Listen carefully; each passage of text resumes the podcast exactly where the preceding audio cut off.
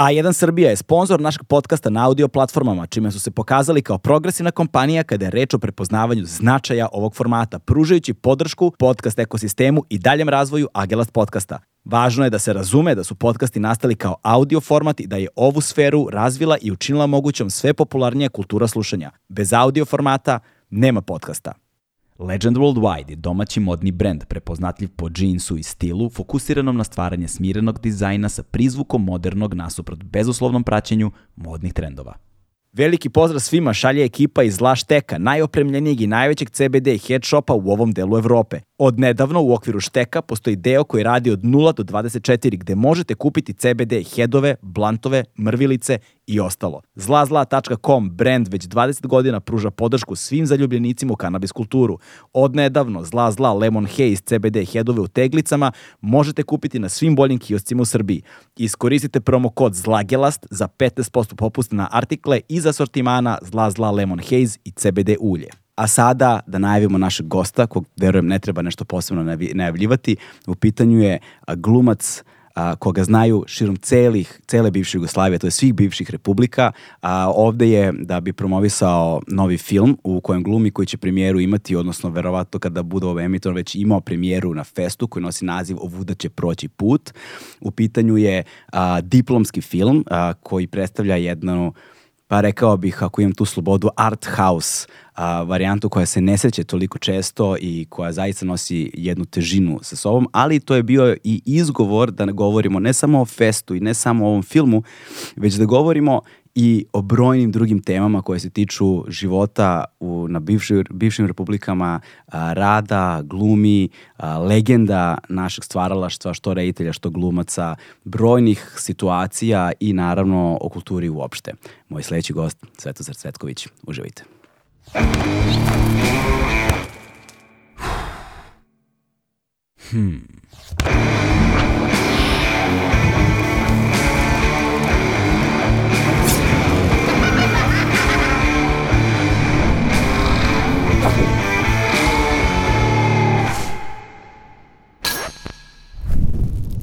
Dobrodošao. E, hvala. Mi smo se dogovorili da mogu na ti. Jesmo.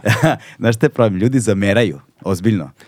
Pa ima ko, da. Da, a, ovaj, a, a s druge strane sam skapirao da je to priroda jezika. Recimo u engleskom jeziku, kada se formalno ili neformalno obraćaš, ne postoji razlika između, između ti i vi. U nemačkom postoji. Je, postoji, ne znam Pa na da, nemačkom. Zi i du. Jel da? Pa da. Šta, je, šta je zi, šta je du? Zi je vi, a du je ti. A onda kad kažu Rammstein du hast, to je ono, mrzim, mrzim te, a ne mrzim vas. Da, da, da. Onda bi bilo zu hast, ili tako? Da, zihast. Zihast, Da. zihast, zihast, pardon, da. Ovaj, uh, ali, ali kada je, a, a, kada se postavi to vi, onda se gubi neposrednost u komunikaciji.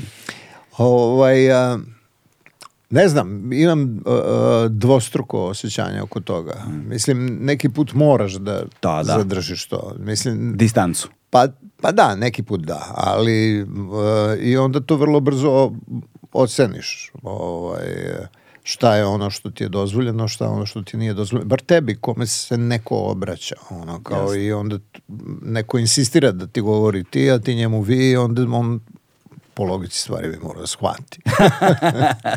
ali stvari često nisu po logici stvari. Ne, ja, apsolutno.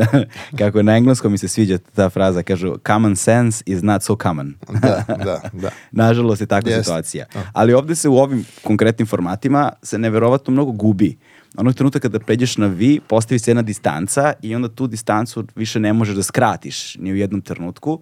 Ovaj, mada je bilo situacija kada počneš sa vi, a završiš sa ti. Znaš. Da, ja moram da kažem da je moje recimo iskustvo iz vremena kad sam se bavio vođenjem pozorišta ovog tu Atelja 212, pa recimo mi smo za te nove godine pravili te neke žurke koje se zovu ulica otvorenog srca i to je To kao... i dalje postoji. I dalje postoje, ali tad je to bilo i mnogo ranije je to bio neki tako ma- malo underground event, ali onda je krenulo malo da se širi previše i tako. Ali u svakom slučaju na jednom od tih otvorenih srca, ovaj, ulica otvorenog srca, je došao predsjednik uh, Srbije koji je tad bio Boris Tadić. I ovaj, bilo je direktno uključenje u program, ne znam koje televizije i nas dvojice smo razgovarali ko što razgovaramo. Mislim, mi smo generacija, ja ga znam ono, dosta godina i tako. Tako da smo razgovarali ti. Međutim, moja pokojna profesorka me zvala ovaj, glume Ognjenka Milićić nakon toga i rekla mi je ne možete s predsjednikom države da budete na ti. I mislim da je tu u pravu. Da. Mislim, ono, sad da sam ja predsjednik države ovde i da sam došao tako, ili ne znam, ne, ne vidim drugo, da, da. ovo je rešenje, onda, onda bismo morali malo da budemo na nekoj Mo... distanci, ali čak i kad bi bio predsjednik države, a došao ovako od onda bi morali da bi mogli da budemo na ti. Jel? E, dakle, da jeste, zavisi od okolnosti i nekako internet je, čini mi se, doneo tu neformalnost kojom je čini mi se i preuzeo dobar deo televizijske publike, jer je televizija ostala u tom formalnom. Tako je, zato što ne znaš kome se obraćaš na internetu. Zato to, to ti, ti, ti komentari na internetu koji se ostavljaju, to onako beskrupolozno, ovaj, zbog toga što ti je sve dozvoljeno, zbog toga što ne znaš ko je taj koji ti piše, on se krije iza nekog pseudonima ili ma, pojma bilo kog imena i dozvoljeno mu je da ti kaže sve. Mm. Mislim, što je kao, bi trebalo da bude oblik demokratije. Ja? No, kao, ono, želim svoj stav negde da iznesem, ali ti stavovi su obično ispod svake crte. U većini da. slučajeva ispod svake crte užasno mogu da budu povredljivi, užasno mogu da uznemire onoga ko je nešto radio, zato se ja klonim da bilo šta... Ovaj... Jesi li, ob, je, li bilo, je li bilo vremena kada si obraćao pažnju na komentare? Jeste. Da? Jeste, da. I onda sam jednostavno shvatio da moram da odustanem da gledam. Da. Šta, jer onda baš, baš krene negde da te to, to te remeti. Uznemire, upro, u, u, uznemirite, oduzmete od dana. Da. da. Neverovatno. A kada, kada, kada si rešio, u kom trenutku si prerešio, kao, e sad više mene zanima da... Pa zato što me da, taj dan ceo užasno uzbudio zbog toga što da, da. sam vidio na tome. A onda sam stekao još nova saznanja tipa toga, dakle, jednoj moje ono, bliskoj prijateljici ovaj, stigne komentar na, na njene stavove sa kilo i po krvog mesa na, na fotografiji. I mislim, neko kad ti pošalje neko kilo i po krvog mesa na fotografiji, onda ti više nemaš izbora. Ili ćeš da se povučeš svega toga, ili ćeš da tvrdo stojiš na tome i da se boriš za to, a da budeš svestan da će neko iza ćoška možda ti razbi glavu. Da, da. I to je, ja, ja sam ta, isto tako, ovaj, nažalost, uh, postoji sad komaš dve oštrice. S jedne strane ti komentari su neophodni i nužni zato što imaju oni svoju lepotu u jednom malom procentu. U daleko većem, nažalost, nije tako slučaj. Nadam se da će se vremenom to promeniti. Ali Oni zahtevaju da neko sedi, da ih gleda i da vidi šta je, ali to više ne postoje. Da, da. Niko to više ne ovaj, samo puštaju. Ali, a s druge strane, s druge strane, a, ukidanjem komentara ukidaš deo saobraćaja, ukidanje dela saobraćaja, algoritam te ne favorizuje i onda manje ljudi vidi tvoj video Tako, i svašta nešto. To je tačno. I onda ti kao ako hoćeš da imaš, znaš, i, ako hoćeš da imaš kao idealan poslovni model, onda ne samo što treba da pustiš komentare, nego treba i da učestvuješ u tim komentarima. Znaš, kao, o, to, kao algoritam to najviše voli. Tu gubiš nedelju dana. To već. gubiš, ono, znaš, kao da mi onaj screen time na telefonu nije već dovoljno tragičan, nego, znaš, kao treba da... Tako da, a, ja sam nekako, ono, evolucijom u medijima, jel te, kao počeo sam od printa i ono, tradicionalnih televizije i tako dalje, bio tu kako posmatrao kako se, ono, kamere postojale sve manje mm. i, ovaj, i kompjuteri postojali sve manji.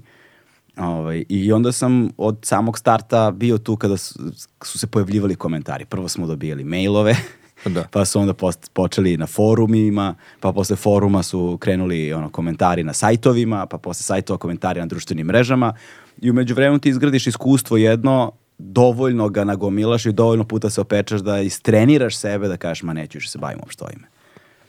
Znaš, to je nekako tako. Ali, kako, ali vidim da ti ovaj, u poslednje vreme si se lepo zaputio na turneju ovaj, kroz medije. Po medijima, da. Po medijima, uh, da promovišeš fest ili... A, ili film novi. Ili sebe. Ili sebe. ovaj, uh, pa ne znam, to, to ide ono up and down. Od Periodično. Pa da, e, ne što se tiče javnosti, nego što se tiče upravo ljudi koji su na medijima. Dakle, onog časa kad te vide u nečemu, tog časa to što su te videli, onda nalaze i pogodno tlo da to se promoviše, ali da i tebe na neki način promovišu sa nekim stavovima koje recimo u 10-15 godina nisu imali prilike da, da čuju i onda se za tih 10-15 godina odjednom nešto nagomila i odjednom nečije iskustvo poraste i onda to iskustvo neko na jedan pozitivan način želi da iskoristi uh, i na moje zadovoljstvo, moram da priznam. Dakle, dakle, ja znam da u sebi imam raznih priča i svega ovoga što sam doživao u ovom poslu i u ovom samom životu koje mogu nekome da budu zanimljive. Ali one mogu da budu zanimljive, isto tako mogu i da se zloupotrebe. Ako neko treći onda krene da ih ono citira negde, pa ih izlači iz konteksta, pa ih baca na naslovne strane i sve i onda to tako krene. Ali činjenica jeste da, eto, da kažemo u poslednjih šest meseci, ovaj, jesam dosta naređao nekih medija koji su upravo na način da otprilike ti daju sati više malo vremena, mm. a, ispričaš neku priču koju bi možda ispričao nekom prijatelju. Ranije samo prijatelju, a sad mislim da je došlo vreme da ih ispričaš i nekom. Znači, napravi se neka distanca koja nije nelogična u tome i nema neke nelogičnosti u tome. Kaže, čekaj, nema da pričamo o tome, sad prošlo je malo vremena. Onda, to je bilo Tito kad je umro, ono, kao zatvoreni dosije i onda sam se zabezeknuo kad smo došli do tih 20 godina i nešto i rekli, e sad možemo to da otvorimo i onda su krenuli o tome da pričaju, ali to očigledno da ima smisla, ima smisla u ljudskom životu, ono, da ne pričaš ono što ti se desilo juče i Da. što te me možda povredilo ili te učinilo jako sretnim ili neku, neku indiskretnu stvar, ali onda kad prođe neko vreme, onda te rane prestanu da bole na takav način. Mada Selenić imao jednu odličnu rečenicu ovaj, u svom romanu Očevi i oci kaže uh, vreme sve leči. Nije. Nije. Vreme ništa ne leči, vreme razara. I to može da bude tako. Ta saznanja kad se otvore pa se kopa po njima, pogotovo ako su saznanja koje negde bole, onda bole još više. Jeste, upravo si. Ovaj, I zanimljivo je da, je da su novi formati negde i otvorili taj prostor. Uh, jer s jedne strane, da, imaš vreme s kojim praviš otklon, zahvaljujući kojem možeš da adresiraš određene teme, a možda i da ih možda osvetliš na pravi način. Jer kada su blizu vremenski i emocionalno, nemaš ni ti objektivan odnos prema njima. Tako je, znaš. tako a možda postoji drugi akteri koji može da pogodi to o čemu ti govoriš, jer, jer ovo je ipak neka vrsta megafona. Sasvim sigurno, mislim, zato što ja, ja dosta često intervjue kad radim, ja ih pišem. Ovaj, pišem te Da, da, odgovore. pošalju ti pitanje na mail, to Jeste, i onda uh, jako pazim šta pišem. A ovako kad pričamo, ja mogu da pazim, ali može da mi ono kao izleti nešto što ne bi želeo. Da, Mislim, da. jednostavno, ono, po, ponesete pa ti sad to ne bi želeo i onda nema nazad. Da. O, onda Bio sam kao- tu mnogo puta. Pa ne, ali znaš, ono, kad snimaš film, pa napraviš grešku, ovaj, uvek kažu ajmo još jednom. Da, Jel? da, da, da, da, imaš drugi take. Pa da, i, ma, imaš 25 ako hoćeš. Da, sad više nema ni filmske trake, da, sada imaš Mislim, milion. dakle, a sad je na ovim serijama što snimamo, sad je postalo to, ovaj, snalažljivost je važna stvar. Znači, imaš take, imaš sve, radiš, pogrešiš, sam staneš, vratiš dve rečenice unazad i nastaviš. Niko ti ništa ne kaže, potpuno svi podrazumevaju da ti imaš pravo na to, to se u montaži lepo izreže, bez ikakvih problema. To bi ranije bilo nemoguće. Ja sam ipak snimao filmove na 35 35 uh, milimetarskoj traci i imao sam čuvenog direktora fotografije Aleksandra Petkovića, zahvaljujući kojem sam počeo što se bavim ovim poslom na filmu i na televiziji, koji je od prvog filma koji smo radili, 80. godine, bi rekao, nemoj da mi trosit traku. I, znači, ono, znaj tekst, uradi ovo, uradi ono, okreni se gde treba, stani gde treba, jer inače mi trosit traku. I u, u prvom filmu koji smo Le, Leka i ja snimali Tom Hajduku, koji danas ljudi jako gledaju, bilo je početak samog filma, je bio neki jako dug kadar, gde smo, mi smo zbog tog kadra učili da jašemo konje, da išli dva meseca na to, Leka je bio potpuno fenomenalan u tome i tako. I sad je postao taj kadar koji je bio, recimo, jedno 300 metara mi odemo, ono kao, pa krenemo, pa la, lagano jašemo, pa dođemo u srednje krupni, pa krupni plan, pa krene dijalog, pa se jedan konj okrene na jednu stranu, drugi na drugu, tu se rastanemo, pa konj jedan stanemo, okrenem ga, lek kaže, e, evo ti ovo, baci mi nešto, neki upaljač i tako. Sve to trebalo uvežbati. To je u jedan, jednom kadru. U jednom kadru, kadar sekvenca. Znači, tada se to radi na filmskoj traci. Filmska traka najduža postoji na 300 metarskoj kaseti. 300 metarska kaseta se stavi i mi krenemo snimamo. I recimo posle 120 metara te kasete napravimo grešku. Mm. I sad nema tu da se to nastaje, nego se ta kaseta vadi, pa se stavlja drugi film, se mota na 300 metara, ubacuje unutra. Znači u tom trenutku ja upropastim svojom greškom 300 metarsku kasetu, u kojoj ostane još 180 metara, koje oni moraju da seku pa na manje scene da stavljaju, ali sad je to, dakle za 40 godina je to tako evoluiralo, da mi možemo radimo sve, da grešimo, da ovo, da ono, da, mislim, bez ikakvih problema i niko ti ne pravi nikakvu frku oko toga da li si ti to nešto pogrešio, nisi, sve ćemo lako to da popravimo. E, ali koliko je to promenilo zanatski deo veštine?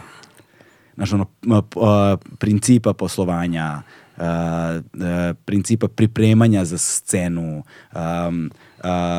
uigranost tima celokupno koji treba da radi, koliko je taj tehnološki napredak doneo ili oduzeo od onoga što je bila draž samog procesa snimanja filma. Da, e, ta draž, to je, to je bitna rečenica. Ta draž, taj neki ne, ne, ne, neko cvetanje, neki develop, ono kao u svemu tome što radiš, nešto što će, mislim, ja se sećam da sam, recimo, ako pravimo dva, tri dubla, recimo, prvih 10, 15 godina mog bavljanja filmom, ja, stvarno, je bilo, dakle, normalna scena, ovako, nas dvojice sedimo, pričamo, kamera odavde, kamera odavde, plan kontra plan, krene, pa snimaš prvi, pa drugi, pa treći. Ja sam insistirao kod sekretarice režije da kaže reditelju i da kaže montažeru montaži da je drugi take bio najbolji. I meni je to tako značilo da i recimo kad bi gledao film onda sam znao da nisu stavili taj drugi, nego treći i to me je ždralo. Ono, da, pa, da, da. Pa, ba, onda sam doživljavao recimo isto to, a to je u ovom poslu je to tačno, dakle imaš jednu predstavu i ti sad tu predstavu igram večeras pa igram za 5 dana, pa ja igram za 10 dana.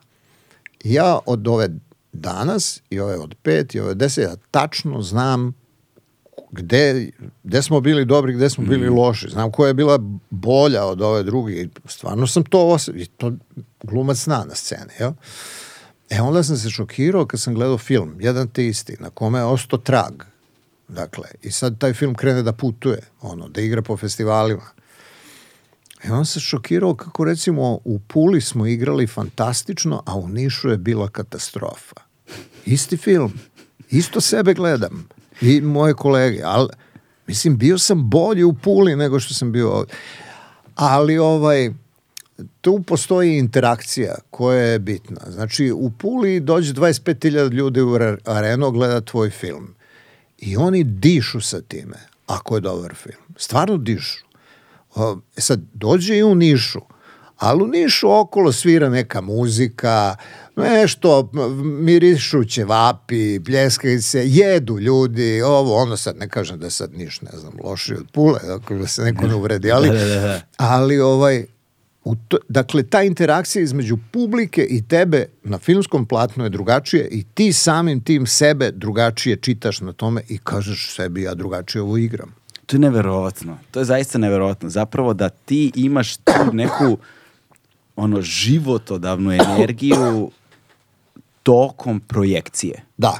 Tako da, I da je zapravo projekcija, bez obzira što je ono, uh, uh, ono što, je, što je to zapravo Proj, dakle, projekcija je nešto što je već snimljeno, nešto Da. što ne može da se izmeni, nešto Jeste. što je uvek isto. Yes, zapravo O, postaje različito. Znači, da, za, zapravo postaje A drugačije. možeš da zamisliš šta se dešava kad je stvarno različito. Da. Dakle, kad je pozorište Kada u je pitanju. pozorište u pitanju, da. Mislim, na kraju krajeva je taj trenutak istine neke. Mislim, to, u Mm. tom poslu je bitna sloboda i bitna istina. Jeste. Ali U svakom je to bitno. A dobro, ali ja egoistično govorim. Ovaj, ali, a, Zamisli doktor da laže. pa ne, zato što, znaš, e, to što kažeš, dakle, u svakom je bitna sloboda, ali ti nigde takve slobode nemaš kao kad si, sa, kao kad si nešto što, kažemo, umetnik. Pa sad, da li je umetnik pred belim platnom, pred belim papirom ili na praznoj sceni? Sve, jedno, taj umetnik ima neograničenu slobodu, on može da uradi šta god hoće, ne, ne, nema. Ovo sad što radimo, ipak u našim glavama ima neku granicu dokle možemo. Mislim, Tako je. oz, izuzev ako Sergej nije u pitanju. ali, ali, da, mislim, da. ali- Njegove granice tek treba da otkrijemo. A1 je prvi prijatelj audio izdanja Agelast podcasta. Ali ovaj, ta, ta sloboda je nešto što je meni bar u ovoj najbitnije i, i, i istina. Mislim, kad ti kaže neko a, kaže utakmice između Zvezde i Partizana svoje vremena, kad su to bili timovi, ovaj, je, je bila dosadna kao u pozorištu. Mislim, atmosfera je bila kao u pozorištu, nema gore. Da, da da, ti da. neko da za futbolsku utakmicu atmosfera kao u pozorištu. Znači, pozorište je to je ono, muve padaju i to me uvek nerviralo, ono, kao što, što se identifikuje atmosfera na pozorišnoj predstavi koja je genijalna sa tim da je to odvratno dosadno. Jel? Da. Ovaj, tako da, nemam pojma, tu, tu se neka disharmonija u poimanju slobode i u poimanju kreativnosti, u poimanju istine između života i između onoga što je umetnik na scenu. Kraju kraju neko može da kaže, do, ne čitam knjige jer mi je dosadno.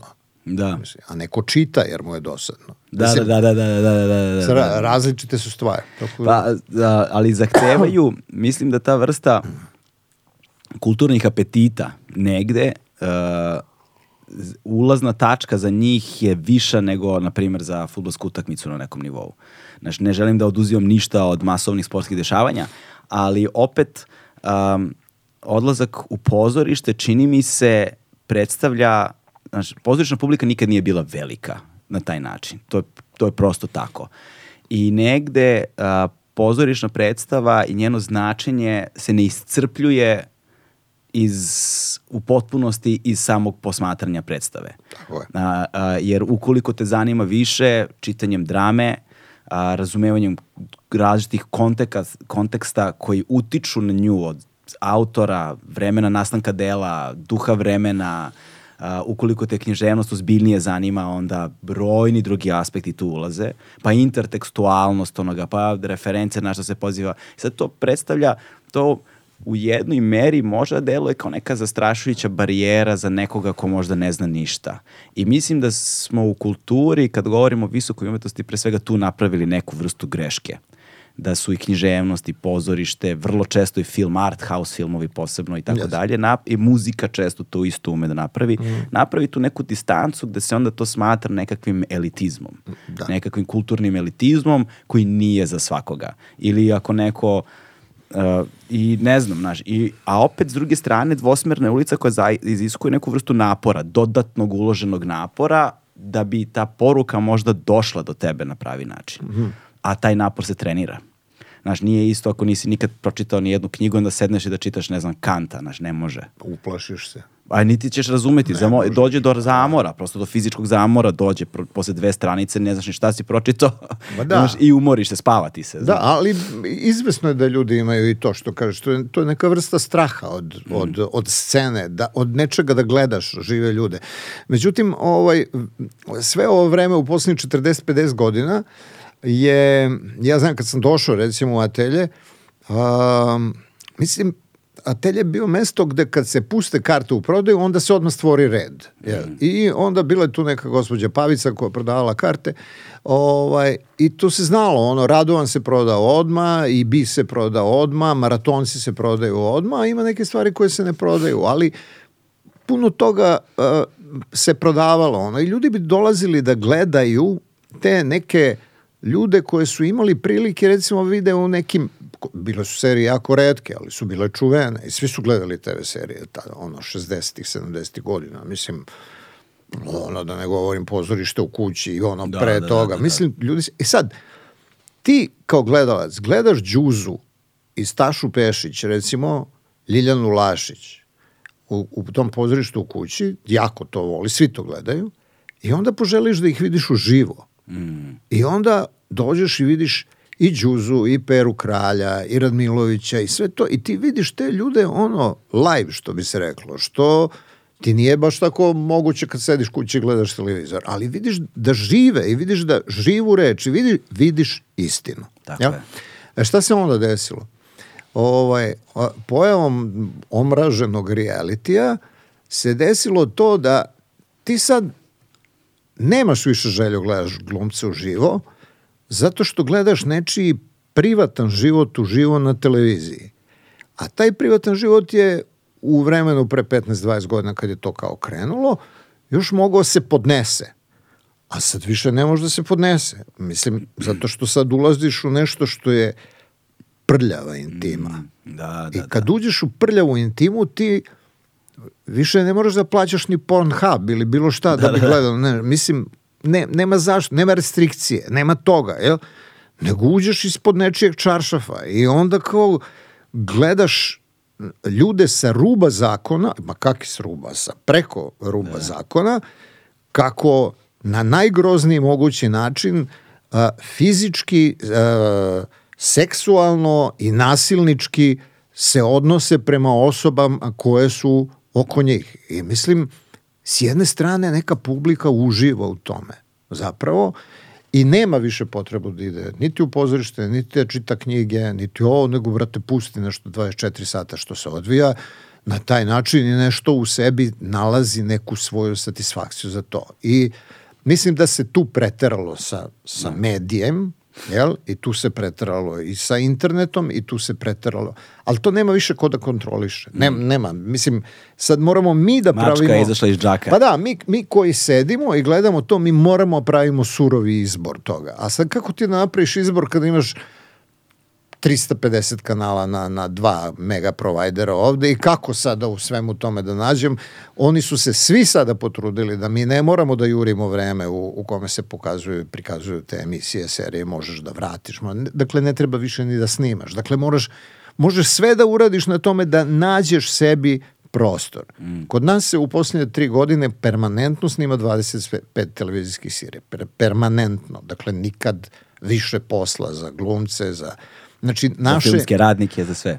Tako je. Filmski radnici dolaze iz Crne Gore, iz Bosne, čak iz Hrvatske. da bi snimali ovde kod nas. Da. Mislim na ove e, e, ekipa, jel, tonci, Jasno. ovo, gaferi, sve to. Mislim, stručni ljudi, ono, kao, imaju ovde posla, ima mnogo više.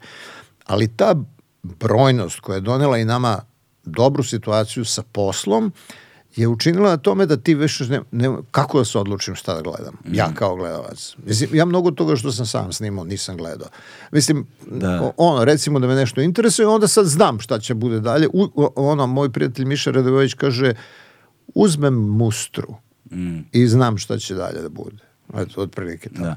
Ove, ima jedan fenomen koji se zove Vaderov paradoks. Ovaj, u, koji u kontekstu popularne kulture Darta Vadera, jel te? Ovaj, a, ima fin tekst, zaboravio sam ime autora, ali mogu ljudi da ga nađu lako Vaderov paradoks, koji govori o tome da a, umnožavanjem izbora dolazi do inflacije ne samo sadržaja, nego i do inflacije vrednosti, nego dolazi i do, ne, do zamora, a, psihičkog zamora i nemogućnosti izbora. Jer ti, kada je izbor u jednom trenutku postane previše veliki, ti više ne znaš šta da biraš. I onda, dolazimo do, I onda dolazi do tog paradoksa da onda stare vrednosti, stare dobre stvari, što bi re- rekli ljudi, a, koje pouzdano znamo da valjaju, je nešto čemu se vraćamo i onda ih otkrivamo u nekom novom ruhu. A, to je kao primjer kada odeš recimo u restoran koji ima ovako debeo jelovnik i onda izabereš ono što znaš da je dobro. Da, ko je. Re- Recimo, mene sada pitaš pitanje, koja je najbolja serija koja je ikad prikazivana kod nas na televiziji, ja bi ti odgovorio kuda idu divlje svinje. Razumeš? Da. To je pre 50 godina. Ali zašto je to tako? Zato što ja to držim u svom pamćanju kao jednu jedinu seriju koja je tada bila i ja sam imao izbor koji je mnogo suženiji od ovoga što danas. Pa mislim, kažu svi kao Netflix je grozan. Pa naravno da je grozan kad možeš gledaš šta god hoćeš. Mislim, a od toga šta god hoćeš imaš 85% koje ničemu ne vrede, verovatno, ali ti prolazi ispred očiju. Jel? Da. Tako da to jeste ovaj, a, vraćanje starim vrednostima postoji i u literaturi i kako da okrenemo. Da, mislim, mnogo je veći izbor i taj izbor zbilja a, pogoduje nekoj inflaciji vrednosti. Tako Jel? je. I mislim da tu zapravo se de, dešava negde igranka oko toga zašto se, na primer, u ovom konkretnom slučaju kojem mi govorimo, pozorišna publika u velikoj meri smanjila. Yes. Zato što mislim da je više faktora je tu uticalo, jel te? Dakle, i socioekonomski faktori, dakle, društva, od obrazovanja, mogućnosti, pozni kapitalizam slobodnog vremena i tako dalje. Pa dobro. Do, do, do, do toga da je sada sv, da su poslovni modeli digitalnih tehnologija takvi da je sve na klik dostupno i da gledamo da eliminišemo što više koraka između čoveka i sadržaja. Što više koraka imaš, sad moram da kliknem ovde, pa moram da ukucam ovo, pa onda kad to uradim moram da otvorim ovo i na petom koraku mogu da gledam. Onaj ko stavi te korake između sadržaja i čoveka, taj nema publiku. Vidi, ja to volim da kažem da je znanje postalo suvišno. Pa, Mislim, da. Jel, dakle, e, evo ovo što si pričao, da recimo ja imam decu koja su, neka su završila školu, neka sad idu u školu, ali znam kao moj sin kad treba nešto, ili čerka, čerka pogotovo mlađa, ovaj, kad treba nešto iz matematike da reši i kao dobi do- lošu ocenu, ovaj, ona sad bi trebalo da ode negde kod nekoga, pa da je neko to pokaže, pa da ovo, pa da ono, pa da ona sedne, pa da uči. Mislim, a ona dobije lošu ocenu i ona reši tu lošu ocenu roku od tri dana što, tako što upotrebi sve moguće vrste tehnologija uz pomoć jednog čoveka koji joj samo skrene pažnju na to šta bi trebalo i onda se to reši. Ali to je dovelo dotle da zapravo e, e, kad sretneš neko ime negde, ti o tom imenu ne znaš ništa, ti si ranije morao napraviš mnogo koraka, odeš u biblioteku, Narodnu biblioteku Srbije, nađeš knjigu, nađeš novine gde je to nešto pisano o nekom događaju. Sad to sve ne moraš ništa da uradiš, to je to što si rekao, ono, sužavanje ti broja klikova da bi došao do, do saznanja. I kad dođeš do tog saznanja, ti nisi naučio to, nego si ti to steko svest neko o tome, da to postoji, da to ime postoji, da iza njega stoje godine kad je rođen, koliko je živo, ko s kim je u braku, šta je uradio, koliko knjiga je napisao i onog časa kad odeš sa te strane ti si to zaboravio. Gotovo. Nema, nema znanja. Jel? Ali tako smo počeli da živimo. Mislim, To je ta, to je to je ta- ta- cena neke tehnologije. Pa da, to je ta takozvana uh, instant gratifikacija. E, I ono što sam, sad kada pominješ, pošto, jel te, odrastao sam ono 80-ih, išao sam po tim bibliotekama i Da. tražili smo stvari, imali školske zadatke, pa nešto moraš da uradiš. Jedino gde smo fulali svi, to su bilo, to je bilo pravljenje herbarijuma, svi ih pravimo a, pet minuta pred početak časa, skupimo lišće po dvorištu, stavimo u sveske, ali ovaj, postoji niz nekakvih malih, ajde nazovimo ih, dakle, okidača koji se dese na tom putovanju do informacije. Da ti recimo ustaneš, obučeš se, uložiš neki napor, dakle neki trud si pre svega uložio, odeš do biblioteke, pa onda pronađeš tu knjigu, znaš, ali vrlo često dođeš do biblioteke pa dođeš taj dan, nije zauzeta knjiga. Da. Pa dođeš drugi dan, još uvek nije vraćena knjiga. Pa onda kažeš, a onda znaš kao je, dve nedelje možeš maksimalno da držiš knjigu, pa kreću oni penali, znaš. Da, da. Pa onda dođeš dve nedelje kasnije pa da vidimo da li je vraćena knjiga. Vraćena ali uzu neko drugi. Da, da, Ima da, lista da, čekanja. da, da, Jer da, recimo taj zadatak je Znaš, on, taj zadatak je, na primer, uh, u, u tom periodu dato u školi i onda Mhm. svi traže tu knjigu, na, na primjera radi, nije ni važno, ali bude više kopija, ali su zauzete. A i onda koliko puta ti se desilo da odeš, uzmeš knjigu, ali stranica fali. Da, da. Znaš, šta, oštećena knjiga, ovo ili ono, i onda kada dođeš najzad do knjige, imaš taj okidač, wow, evo je. Znaš, kao, kao neka mala avantura koja se desila.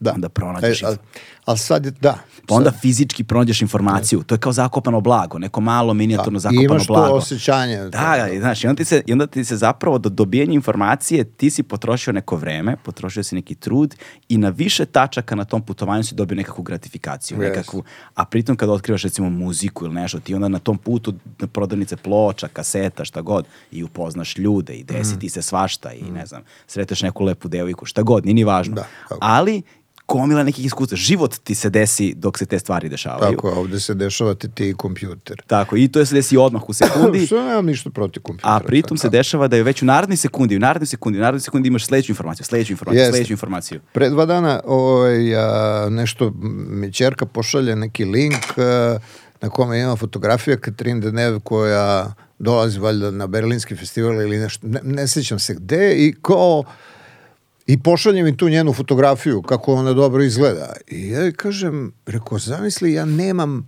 nigde fotografiju kad sam predstavljao Catherine Deneuve na festu pred 25 godina, ona, ne, malo manje ima, ali ovaj, i sad ja, mene je izabrao tada direktor festa o, Mića Vučković kao da on dođe sa njom i da ja nju sprovedem do velike sale, da ona dođe tu i da je uslovno rečeno predstavim i da ona nešto kaže. Sad tu je bilo milion fotoreportera, ali ja nemam nijednu fotografiju odatle. Imao, imao sam sa njom i imao sam sa Harvey Keitelom, recimo. Da, jel, da, to- Harvey Keitel. e. I ovaj, ja kažem, rekao, to uopšte nemam. U roku od 15 sekundi ona meni šalje moju fotografiju sa Ken Loachom, gde uopšte nikad nisam, nisam imao svest o tome da sam se slikao ikad sa Ken Loachom, a ona mi napiše ovo, ovo ti je fotografija sa festivala u San Sebastianu u Španiji. Znači, trebalo je 15 sekundi da ona tražeći ovo meni provrti fotografiju koju nikad nisam znao ja i Ken Loach, mislim, Da, bez da, veze, da, da, ono da, da. Eto tako, tako da, mislim, to se, sve se to, di, di, nema balansa u tome, jer da ima balansa, onda balans postoji u starijim generacijama koje čak više nisu ni žive, generalno, jel? Dakle, u mojoj generaciji nema balansa, svi mi, ono, ludimo po tome da dođemo što brže do toga, ali samo kod onih koji baš ne žele da pristupe ni mobilnom telefonu, ni, ali ne žele, radikalno ne žele, oni žele ovaj metod, uh, oko, redki su, ali ih treba poštovati. Jeste, da. Dakle, to slobodno vreme i neprisustvo online je sada velika privilegija. Jer to podrazumeva jednu vrstu odricanja gde ti nisi više fizički, pri, iako je digitalno, ti više nisi fizički prisutan, nedostupan si za sve što se dešava. I ukoliko ne, ne pratiš taj faktor brzine, taj imperativ brzine, Da. ti zapravo ispadaš iz tokova vrlo brzo. I to je nažalost istina. Ono, na engleskom imaju taj izraz FOMO, fear of missing out, kao iracionalni strah od toga da ćeš nešto da propustiš. Da. Je. Ali taj iracionalni strah od toga da ćeš nešto da propustiš se kroz digitalne tehnologije pokazuje delimično i stvaran, jer ćeš Jeste. zaista da propustiš. Da. Jer zbog toga što je omogućeno da brzo sve može, onda brzo sve može Mhm. i sve se sad brzo ne samo što može, nego podrazumeva. I ako ti nisi pročitao mail na vreme, ako nisi odgovorio na poruku na vreme, otišli su dalje. Ode. Otišli su Ma dalje. da, ma da. Od, Znaš. mislim, ode posao. ode posao, ode posao, odoše mogućnosti. A, mislim. Ali, ali da se vratimo na ovu temu samog procesa snimanja. A, a koliko je oduzeto iz te draži o kojoj smo govorili, time što sad ti više nemaš tu vrstu podsvesne odgovornosti prema filmskoj traci i prema onome koliko to sve košta i koliko, koji je to, koliko pokretnih delova u tom mehanizmu kad govorimo o ljudima ima, nego znaš da možeš i onda možda se više, ne znam, ne spremaš toliko, ono, probudiš se, popiješ kafu, idem da snimam. A, Jel se promenilo to? Ili vidiš u- Promenilo se bitno, ali to sve opet zavisi od tebe samog. Mislim, najviše da tipa ta odgovornost zavisi od tebe samog. Ti može, mo, ja se bar trudim da tu uh, privilegiju tehnološkog napretka u samom snimanju iskoristim ne za svoju lagodnost, nego za recimo svoju bolju pripremljenost oko toga. Šta se tu dešava. Ovaj, I da pristanem da radim neke stvari koje možda ranije ne bi pristano, ne bi rizikovao ili tako. Jel, u ovom poslu ima rizika, mislim, naravno to. Ne radi se o tome kako to igraš, nego upravo se radi o tome šta, si, šta sebi dozvoljavaš kao svoju najveću slobodu. Mislim, vreme pre svega. Da. I onda neko to vreme posle može da skrati, ali ne može ga produži. Ali ti kad daš sebi vremena i kad daš sebi neki mir koji ti sada ta tehnologija, što se samog snimanja filma omogućava, onda si na konju, onda to možeš dobro da iskoristiš. Ali, mislim, sve je uvek ono, znaš kako, sa godinama stvari ima nekog ovaj, neurologa koji je super, ja kad krenem nešto da, da mu se žalim, ovaj, oko nečega, on mi kaže, možete se okrenuti da vidite tu, vidite tu ima ova knjiga, ova debela, ta debela. E, u njoj piše šta je sve normalno čoveku da se desi nakon 50. godine života. Od ovakva knjiga. I kaže, dokle, to nisu više bolesti, nego to normalno da se dešava. I da, sad da. ti moraš to da shvatiš da je to normalno. Mislim, ovaj, a, da, zezu sam Biljanu Srbljanović koja mi je ono kao jako bliska osoba u životu. Nažalost je pala smerdovina, slomila da obe ruke. Mm. I ovaj, rekao sam rečenicu koju ona napisala u svom komadu Skakavci da se to u njenim godinama ne radi. I opsovala me naravno, ali ovaj, ona je u Skakavci napisala, dakle, da čovek dostigne svoj fizički pik u 30. godini i da nakon 30. godine mora da pazi šta radi sa sobom. A kad dođe do 60. ne bi trebalo da ulazi u tuš kabinu da, a da ima veliki prag, jer ako se slomi tu, slomit će se nešto što će izazvati, ne, ali to je sve što rekao moj neurolog nekako normalno. E sad, na tu normalnost vremenom u, u kome živiš, u kome radiš ovaj posao, moraš nekako da pristaneš mm. s jedne strane, a s druge strane treba ti više vremena za to da se ono, spremiš objektivno za to, ovaj, da, da uđeš u takve stvari.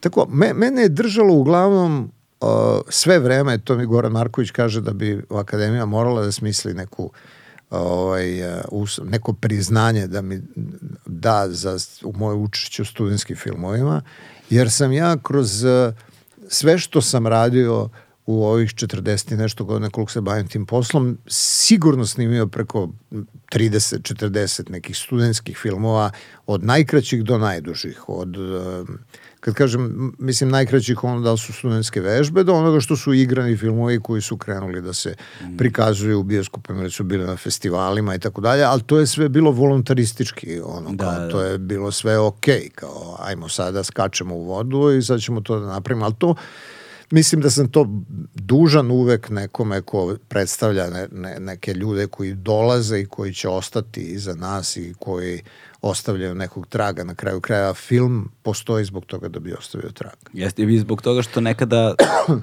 ona, si i ti bio na tom početku Kako ne? kada je bilo potrebno da ti pruži podršku neko iskusniji da. i stariji da je to nekakav krug koji, je, da. koji mora da. da se održi da bi se samo umetnost održala u velikoj meri. Ali ova brzina o kojoj smo govorili takođe, recimo imao sam privilegiju, skoro zvali su me iz Jugoslovenske kinoteke i u januaru mesecu uh, ja sam bio kao gostujući ono, moj izbor, tako mm -hmm. se valjda zove. Mm -hmm. I jedna sala odrede i kao tog meseca idu filmovi po tvom izboru. Mm -hmm. I onda sam ja, i oni su mi zvali rekli, je, ali slušaj, moraš da, filmovi moraju da budu minimum tipa 15 godina stari, je li tako nešto? Mm. I izaberi recimo minimum ne znam koliko filmova da, zato što za one koje, da imamo zamenu za one koje nemamo, mm -hmm. znaš, jer treba, potrebno nam je toliko filmova, pa sad ti izaberi duplo, tri puta više, znaš. Prvi problem, naravno, na koji sam naleteo je kad počneš da biraš filmove, čoče, toliko je toga. Uopšte nemaš predstavu šta da izabereš, a imaš kao ovoliko vremena da izabereš. Ovaj, ali s druge strane, onda sam te filmove koje sam izabrao i onda sam seo da ih gledam I sad ja imam jedno iskustvo i jedno sećanje. Iz vremena kad si te filmove prvi put vidio. Tak, tako pa, je, da. kad sam ih prvi put vidio ili kad sam ih vidio možda i reprizno i ono, više neke sam njih gledao 20 puta, nije to problem. Ali ih nisam gledao dugo. Mm. I ni sam nisam primetio koliko sam se ja promenio i koliko su se moje navike promenile i koliko je tehnologija uh, mene promenila. Odjednom pola tih filmova su mi toliko spori mm ja ih ne pamtim tako spore. Da. Znaš, I zanimljivo je kako su filmovi kada je traka bila užasno skupa, bili strašno spori, sada kada možda sada kada možda radiš bukvalno šta hoćeš, sve je ekstremno brzo. A da, moram da, ja moram da priznam da se danas više filmovi ne prave ko neka što se prave. Mislim, kad kažem ne prave, mislim na svetski film. Mislim na to što su bile neke vreme. Mislim, niko ne režira danas koliko pola što je režirao Kuma jedan. Mislim, to, na kraju kraja ja sam ove godine gledao taj prošle ovaj, ta, ta, tu seriju uh, Offer, jel? Mm, da. koju je napravio producent Kuma zapravo o snimanju Kuma i onda tu otkriješ neke nove stvari, ali vidiš da, i onda čim sam to odgledao, on se rekao sad moram gledam Kuma ponovo, ono, kao da vidim šta je to i ovaj, stvarno se ne, ne radi tako da, to, vidi se to o čemu govoriš da je traka nekako zlata vredna Jel, da nije to samo pitanje tehnologije, nego nekog osjećanja u kome ti stvaraš nešto i to u, ostaje upisano na, na, na toj traci. Ti negativi se negde čuvaju, nisu to ljudi bacili. Mislim, danas ono, na digitalnom može greškom neko da uzme, da, da, da izbriše nešto. Mislim, dešavalo mi se to. Pazi, to nas nužno vodi do filma Gorila se kupa podne. Da. Koji zapravo jel, nije sačuvan na traci. A, Ili jeste, ne znam. Ne, ja, ja, mislim, ja znam da ga nema kod nas, ali ga... Ja sam ga video pre neki dan na YouTube. Na, na YouTube, da, jeste. Dakle, već ne, nekoga je negde okačio, jer ono Makave otišao, Bojana otišla, ti mislim niko ne drži prava više na to i onda može to tako da, da, se, da se ispovrati. Ali Mislim, to su jedinstvene stvari u životu koje čovjek doživi. Ali ne znam da li su sad one proglašene sa Jugoslavom, sam pričao, uh, da li su proglašeni sad ti Makavejevi filmovi za... Uh, kako se to zove, kulturna baština od izuzetne vrednosti. Ne ja materijalna ne kulturna baština od izuzetne vrednosti. To bi trebalo da bude tako u svakom slučaju. Ja ne znam šta se sa tim dešava i, i znam da su ljudi van a, zemlje ovaj... A, vodili računa o tome, ali pošto Makavevi nemaju naslednike u smislu svojih naslednika, onda je to sad i dalje neki ono pravni proces u, da. u to uključen šta se dešava sa, sa njihovom zaoštavstvenom. Kažem njihovom zato što su njih dvoje zajedno radili, a pogotovo taj, taj film koji smo radili kao jedan od, od tri filma koje smo zajedno radili, Ovaj, znači, radio sam Montenegro manifesto i Gorila se kupa u podne. Gorilu smo radili uh, ovaj, nakon pada Berlinskog zida jako brzo. Koliko brzo? Pa je, to, ja mislim jedno šest meseci bilo nakon toga, mm. sedam, tako nešto. Jer me Mak nazvao jednog petka i rekao mi da dođem u ponedljak u Berlin, ako hoću, da, da, mislim toliko smo bili. Ono. ako hoću, to je... A, ako hoću, jer bi on želao da snimi jedan film, kao, ja sam naravno sa njim sve radio, Ovo ja sam rekao, naravno, dolazimo, on mi je objasnio da se radi o tome da postoji najveći Leninov spomenik na svetu u istočnom Berlinu, koji su rešili da sruše i uh, razgrađuju ga, a da bi ja trebao da igram nekog ruskog oficira koji odbija da ode iz Berlina i koji želi da sačuva taj Leninov spomenik. Ja sam došao i, i ta ekipa imala dva člana u tom trenutku, njega i mene. I ovaj, uh, on, znači sasvim drugačije od onoga kako se, se snimali za one da, nema za scene. Da, nema veze. I onda, ovaj, onda sam ja rekao, dobro, ok, aj sad šta trebamo radimo? Kaže, idemo na buvljak. I odemo na buvljak i tražimo rusku uniformu. Milijardu ruskih uniformi na buvljaku u tom trenutku. Pao zid ovaj, nađemo moju... Čekaj, a gde ste bili? Ste bili u zapadnom ili u istočnom Berlinu? U istočnom, u istočnom smo spavali, da. Mislim, to, onako, to je izgledalo gore od bilo čega. Mislim. Zid još uvijek nije bio srušen. Zid je bio na tri mesta probijen i ljudi su prolazili tu, ono, kao bez ono, carinskih kontrola, bez ičega. Uh, lagano su, dakle, već su promenjene marke bile istočno-evropske, istočno-nemačke u ove, i ovi su se zgražavali istočni Nemci na tim zapadnim markama, ono, kao to im je bilo ono apsolutno ovaj ne, nepodnošljivo da se tad i te, bilo je teško to prilagođavanje. Mi smo stalno išli iz isto, jer producenti su nas živjeli u zapadnom Berlinu, mi smo svaki dan išli. Uh, onda smo uh, morali da imamo neki prevoz. Koliko ste dugo vi bili tamo? Pa bili Nešto smo... niste dugo? Ne, bili smo oko, me, nešto malo manje od mesec dana. Mm. O, ovaj, ali mi smo dobili od producenata prvo sedam dana da snimamo, mi smo snimali sedam dana, prvi dan kad smo završili, on je organizovao bio sve to, prvog dana sam se popeo na taj Lenjino spomenik koji je nešto oko 30 nešto metara visok i sedeo sam ceo dan na njegovom ramenu I onda smo odatle snimali sve scene koje je trebalo da snimamo. On je bio, na njega je prosuta neka farba, jel, to je on uradio, neko žuto i crveno, tako nešto ovako preko lica kao da je ranjen i onda sam ja došao s četkama i metlama da čistim to i ja sam u toj uniformi to čistio, vezan za njegov vrat i tu sam proveo dan i razgovarao s novinarima koji su dolazili tu da intervjušu Rusa tog zašto on od, od, odbija da ide A u tu, Rusiju. tu pretpostavljam nije bilo nikakvog teksta. Ja, Ne, ne, bilo je, bi- bilo je, dao mi je neke okosnice šta bi trebalo da, i to smo napravili, mislim, to je super. CBD je, pored THC-a, najistraženiji kanabinoid iz sveta industrijske konoplje. Samo što on nema psihoaktivno dejstvo. Mnoge studije potvrđuju njegove pozitivne efekte i pomoć pri problemu sa spavanjem. CBD ne uspavljuje niti omamljuje, ali je san čvršći i kvalitetniji. Tako reći, budimo se odmorniji.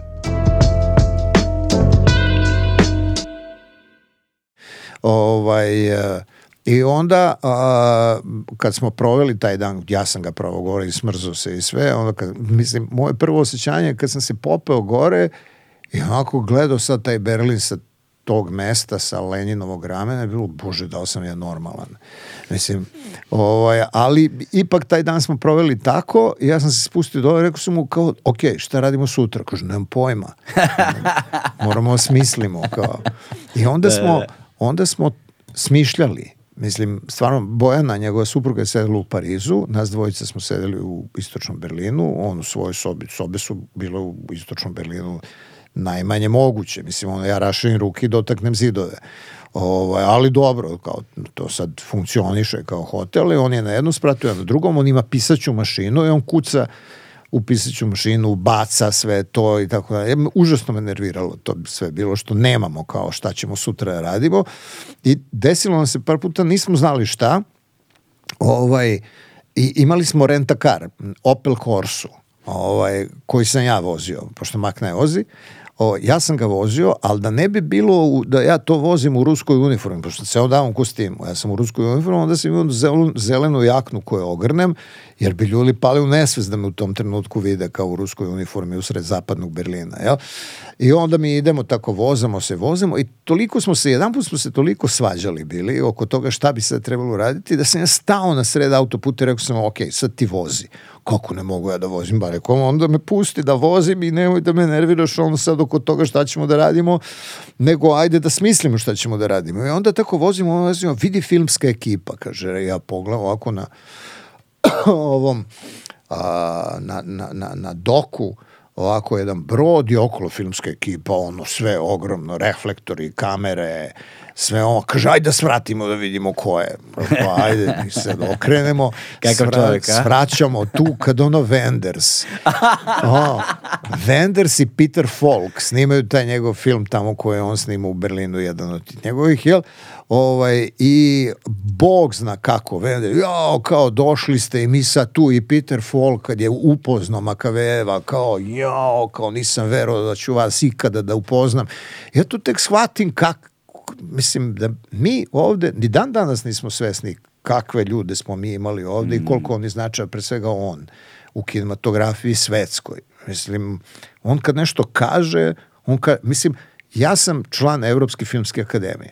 Nikad niko ne bi primao u Evropsku filmsku akademiju da Mak nije okrenuo telefon i rekao E, rekao sam Cveletu da ćete ga primite, poslaće vam sada svoja dokumenta. Ja to pošao i mene prime. u To, kada, na njegovu reč, mislim, to, to, to, njegova reč je toliko značila, mislim, i ovaj, mi smo taj film, dakle, snimali 7 dana, snimali smo to sve, to je velika improvizacija, ali on je bio majstor za to. Recimo, uđemo u, u taj turski deo, jel?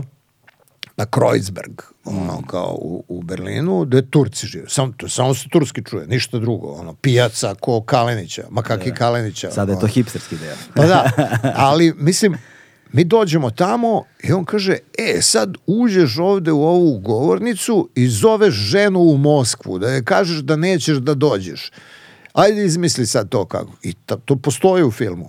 Ovaj, kao ja njoj telefoniram, okolo neki ljudi se muvaju, gledaju, neki se beče, keze, čuda neki svet. I sve to izgleda kao, mislim, znam, posle kad je to bilo na festivalu u Berlinu, to su ljudi zbilja shvatili kao art, mislim, Da. i kao da je to postavljeno, a da, ali kod Maka je bila lepota improvizacije, jer si mogao da ono, uradiš prošto u kadru što ne bi ti neko drugi dozvolio, jel? Da. Tako da sve ima prošla je distanca, jel? Da, da, ta da. distanca.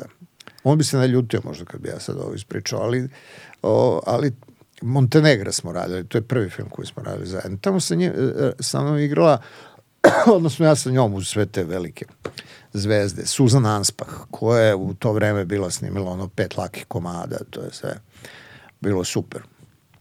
I ovaj, um, ja sam imao 22 godine, ona imala 42. Za mene ona bila ozbiljna gospođa jedna, jel? Ja sam se ponašao sa puno respekta prema njoj, ali Mak hteo da snimimo najduži poljubac ikad snimljen na filmu. I onda smo mi vežbali taj najduži poljubac ikad snimljen na filmu, jer postojala koreografija oko svega toga, pa ona skoči na mene, pa mi igramo među drugim ljudima, a sve vreme to radimo dok se ljubimo. Jel? I ona se spremala stalno za te probe, i to sprejala sebi usta i ono sve. Mislim, razumem je, a ja, meni to sve bilo ono kao okej. 22 godine. Da. Pa da. I sad mi se nekako kroz to dovedemo do prostorije gde ja spavam. A to je bukvalno nešto, ono, kao ima tuš, ima, ne znam, ovaj, neko duše, kao ono, i ima neko mesto gde je krunjeni kukuruz. I sad Mak kaže, e, vas dvoje ćete, vodite ljubav u krunjenom kukuruzu.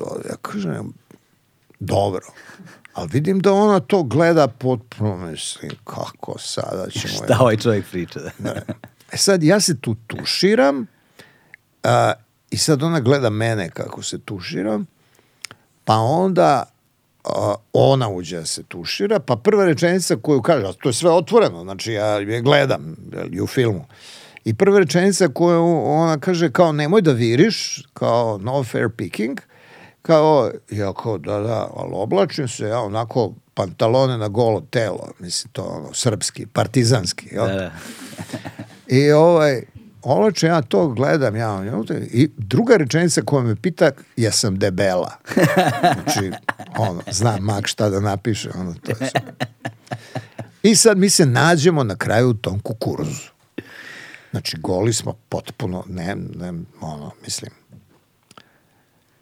prekrili su, ja ležim preko nje, prekrili su me jednim peškirićem ono, po dupetu, da kao ne bi sad, ne znam šta, ali kao Švedska, on to u to vreme, to je toliko slobodna zemlja da to može samo se ona namašta kod nas. Ali ovaj, sve to tako. I sad sve to traje, Tomislav Pinter, čuveni direktor fotografije, on namešta svetlo, sve to ono perfektno, svi su strašno profesionalni, sve je cakum pakum, dogovorili smo se, mi treba vodimo ljubav tu. Ja, mislim, to je. Da. I sad ja ležim preko nje, to traje 15 minuta, ona meni peva neke pesme na uvo. I tako, pričamo. Ležimo i pričamo. Koliko god možemo da pričamo. Uh, kako god okrenemo, ja sam, ja, Da. ja ležim go među njenim nogama. Mislim, kaže snimamo. Kadar stave klapu ovako. Čekajte, stanite, kaže Makave, ovi sklone klapu. On dođe kod mene i šapne mi nešto na uvo. Od tog momenta nisam znao kako se zove. Šta ti je šapnuo? Ako ti da, ti je opali.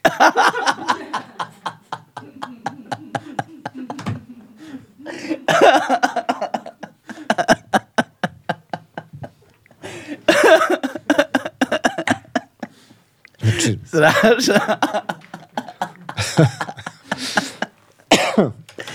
Ja, gospode, baš. ona me pita šta ti je rekao.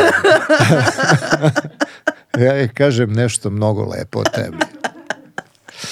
I mi snimimo tu scenu. Dok smo snimali scenu, jedan put, drugi put mi snimimo tu scenu. Dok smo snimali scenu, ovaj, ja odjednom osetim neki čudan osjećaj u glavi.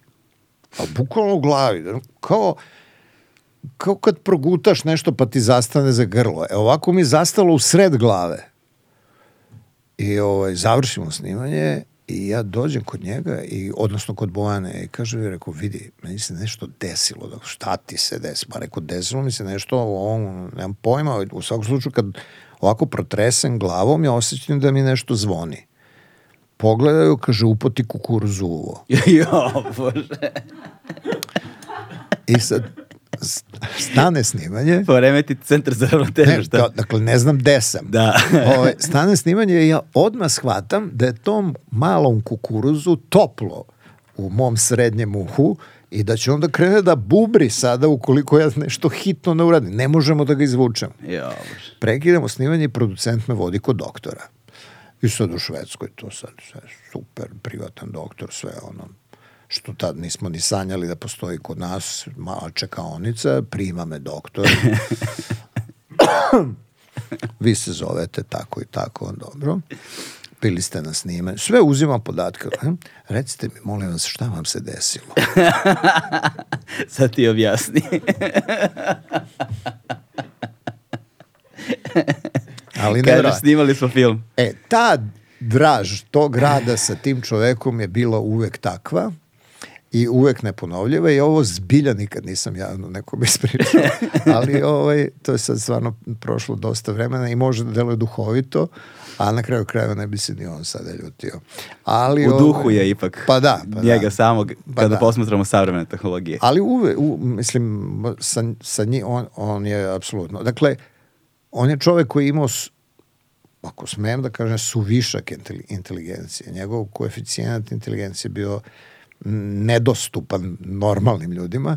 I ovaj, a, mene je s jedne strane mi imponovalo, što sam probao naravno toliko vremena s njim, a s druge strane uh, provođenje celog dana i, i bukvalno prvo sedam, pa onda 15 dana koje su nam dodatno dali ovaj producenti tamo. U Berlinu govoriš? Da, da, da, u Berlinu o, je mene s jedne strane činilo jako nervoznim zbog toga što je on mogao da razgovara na pet različitih tema istovremeno. To nikad više nisam sreo.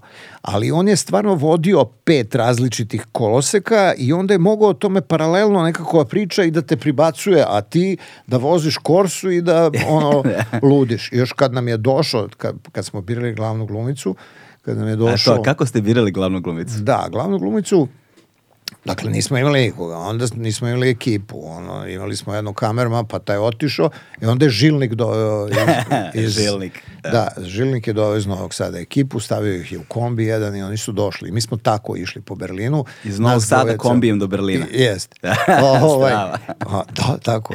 Je I ovaj... A, I mi smo tako išli po Berlinu sa tim korsom i sa kombijem iza. I onda stani ovde, ajmo slikamo. I, I to je tako bilo. Ja sam to tako slušao još ovo, dok sam bio mnogo ovaj, mlađi to sa Petkom, kad sam snimao filmove, Petko koji je slikao, Aleksandar Petković koji je slikao me, koje filmove to čovek nije tica, ljubavni slučaj i sve to. On kaže kad su radili čovek nije tica, ovaj, a, u Boru, kaže mi završili snimanje i krenuli u hotel. I tako vozimo se, ekipa vozi se, odjednom ma kaže, čekaj, stani, stanite. I stane cijela, ga vadi kameru, vade kameru. Šta treba sada, sad ćemo slikamo. Vidi fikus u pak papiru. I sad u, u jednom u izlogu neke radnje 60. godina u Boru je neko stavio fikus i umoto ga u pak papir. I to je njemu izgledalo tako fascinantno da je on mnogo pre ovog Hrista Bugarina shvatio da umotavanje nečega u nešto možda bude strašno zanimljivo vizualno za film i umetnički na kraju krajeva. I on je to slikao. Da. I mislim, mnogo godina kasnije Hristo oblačio ono, triumfalnu kapiju u to, jel? Da, da. A ovaj je vidio to u fikusu. Znači, ono, potpuno jedan neverovatan. E, tako smo mi glavnu glumicu za Gorilu tražili po ne, dakle, casting smo radili na nenormalnim mestima. Znači, u klubovima, underground klubovima Berlina nakon pada Berlinskog zida. To ne možeš zamisliš kako to izgledalo. To je stvarno ono kao um, ne znam koju muziku bi trebao pustiš da ulaziš u to. To je ono kao, ako se, crno je sve, svi su crno odeveni.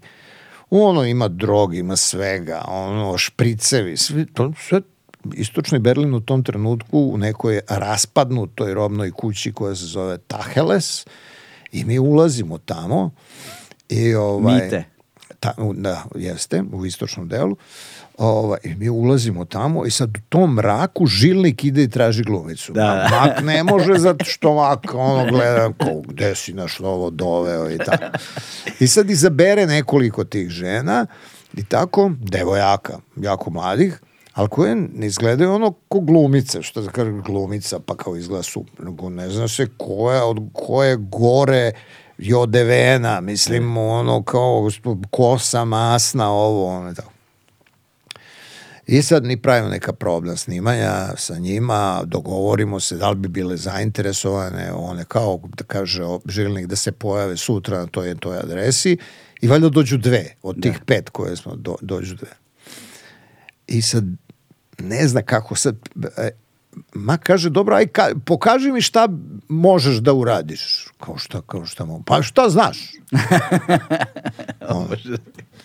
I sad ova jedna kaže ovo, ova druga kaže ovo, dru- ova druga se ispostavi da je išla u cirkusku školu. Na šta Wow. odlepi makave potpuno. Ona krene da žonglira, Wow, zna da da, vrti tanjire, ovo, ono. Dakle, ono, to njega oduševa. To uopšte u film nije ušlo, ali nema veze. Tek on joj kaže, "Jel znaš da stepuješ? Ona kaže, kako da ne znam. I izvadi iz svoje tašne step cipele. Kao čoveče, to je potpuno ludilo. A, ima to ne hel- možeš da izmisliš. Pa naravno, jo, ima helanke na sebi. Ja? Da. I gde je dobila ulogu? To je neviđeno. Znači, ona oblači step cipele i podigne malo te helanke. I Mak se ob- okrene i kaže, vidi, nikad nije brijala noge. Dobila je ulogu. I on je dao ulogu na to što ona nije brijala noge. I to ima u filmu. Mislim, ona stepuje i vidi se ono da su te noge ko muške. Izgleda Da. stvar. I, I potpuno neverovatno. Tako da je njegov odabir ljudi i svega, to je ono potpuno tog posle. I mi smo, kad smo snimili to i napravili, film je recimo trajao sat vremena i, Sat i 19. i da. onda je on hteo da produžimo još i onda je dopisivo neke scene Aha. da bismo mi to ovaj, napravili i te scene koje smo snimili u toj nekoj ruševini koja je igrala kao da je u Berlinu među, među nekim našima ovaj, to smo snimili u Beogradu u staroj elektrocentrali koja se rušila i onda je posle ubacio i lik Lenjina u sve to koji je igrala Anita i ovaj i, i već je meni bilo prirodno kad mi je rekao, znaš, snimat ćemo scenu u kojoj ti Lenjinu vadiš metak iz glave. Da. I ja rekao, kako metak iz glave ćemo vadimo? I onda je to tada, još, znači to je ipak ono kao pre ratova ovih naših ovde, a, tehnološki sa šminkom uspeo da napravi to, da napravi tu masku, našao nekoga ko je napravio masku koja je na jednom mestu bila meka ta glava i onda ja prst ubacim ovako i on potone u mozak Lenjinov pa vadim iz mozga taj metak i to je sumanuto mislim. Da, potpuno. I taj film je stvarno u Berlinu bio emitovan bukvalno na zatvaranju, bio van konkurencije, ali je dobio Fipresci nagradu kritike kao najbolji film koji je prikazan te godine u Berlinu. Wow. Tako da je to onako Kako su neverovatno. to neverovatne stvari. Znaš, veoma je teško zamisliti bilo koji deo ove tvoje priče, fascinantne, da dodam, a, danas. Prosto Ne, to jednostavno ne mogu, jednostavno vremena su se toliko promenila. potpuno, da. Potpuno se. Svet u kojem živimo danas nema nikakve veze sa svetom u kojem smo živjeli u to vreme. Sa, recimo, ono što bi mene najviše zanimalo, a, i za, za, pri- pit- samo pitanje jedno, koja je fora bila s onim čajem koji ste pili iz tanjira? To je Mako otkrio, Rusi neki tako piju taj čaj. Znači, to je stvarno? Da, da, da. On je to otkrio i to smo mi snimali na nekom krovu stvarno u Berlinu. Smrzli smo se bili, ali ovaj, to je on otkrio neke Ruse da, da to tako kao, jer se valjda, on je vreo i on se u tome malo lakše ohladi. Da, zato što se po- I tako, površina je veća. Jest, to je on negde video i onda je to hteo pošto po to da stavimo. On kad bi nešto negde video, onda je uvek želeo to da stavi u film. da, da, da, da. Uvek, uvek, apsolutno. Ovaj. Kao, ali me zanima kako je izgledao život ovaj, a, u, u Berlinu ono neposredno nakon rušenja, znaš, to je istorijski trenutak. Jeste, ovaj, a, pa, više su ovi iz zapadnog prelazili u istočni da vide Veća to čudo, veća, da, da vide to, da vidite spomenike, da vidite aleje, da vidite, jer to je stvarno arhitektonski kompletno nebo i zemlja izgledalo, Mm. sad nije tako. I onda e, su masovno ti neki, jer je bilo mnogo jeftinije i dalje u istočnom Berlinu, ovaj, umetnici, pogotovo slikari, vajari, jel, oni su se selili dosta iz zapadnog u istočnog, jer je bilo jeftinije da se živi tamo u tim stanovima. Mislim, manje su bile rente i sve. Zapadno je bio, mm, Berlin je bio napucan. Na kraju krajeva u zapadnom Berlinu je postala čuvena kuća, robna kuća KDV, Kauf der Westes, znači kupovina na zapadu. Ja, mislim, koja je šljaštila, ono, mislim, od svega, ono, šta je tamo moglo da se kupi i što je bilo abnormalno skupo za bilo koga, a pogotovo za nas, jel? Tako da mi jesmo stalno odlazili tamo, jer su nam producenti bili tamo i vozao sam se tim Kurfürsterdam, kao čuvena, najčuvenija ulica na zapadu, jel? I danas je ono čuvena, ali to je ono kod da ide Šanzelizeum u Nemačkoj, mislim, to, to su radnje nenormalne, Armani, sve, s- mislim, sve što bi iko na istoku mogao da zamisli kako izgleda najbolje na zapadu, sve tako izgleda. I mi smo bili u tom trenutku tamo. Ali ovima sa zapada bilo zanimljivo da vide Karla Marksa, da vide taj toranj. Mi smo se vozili helikopterom, snimali smo iz helikoptera. Pa to je pravo- mislim. time se otvara Jeste, tom scenom, da, iz snimali helikoptera, Smo, pa da. da, snimali smo odande.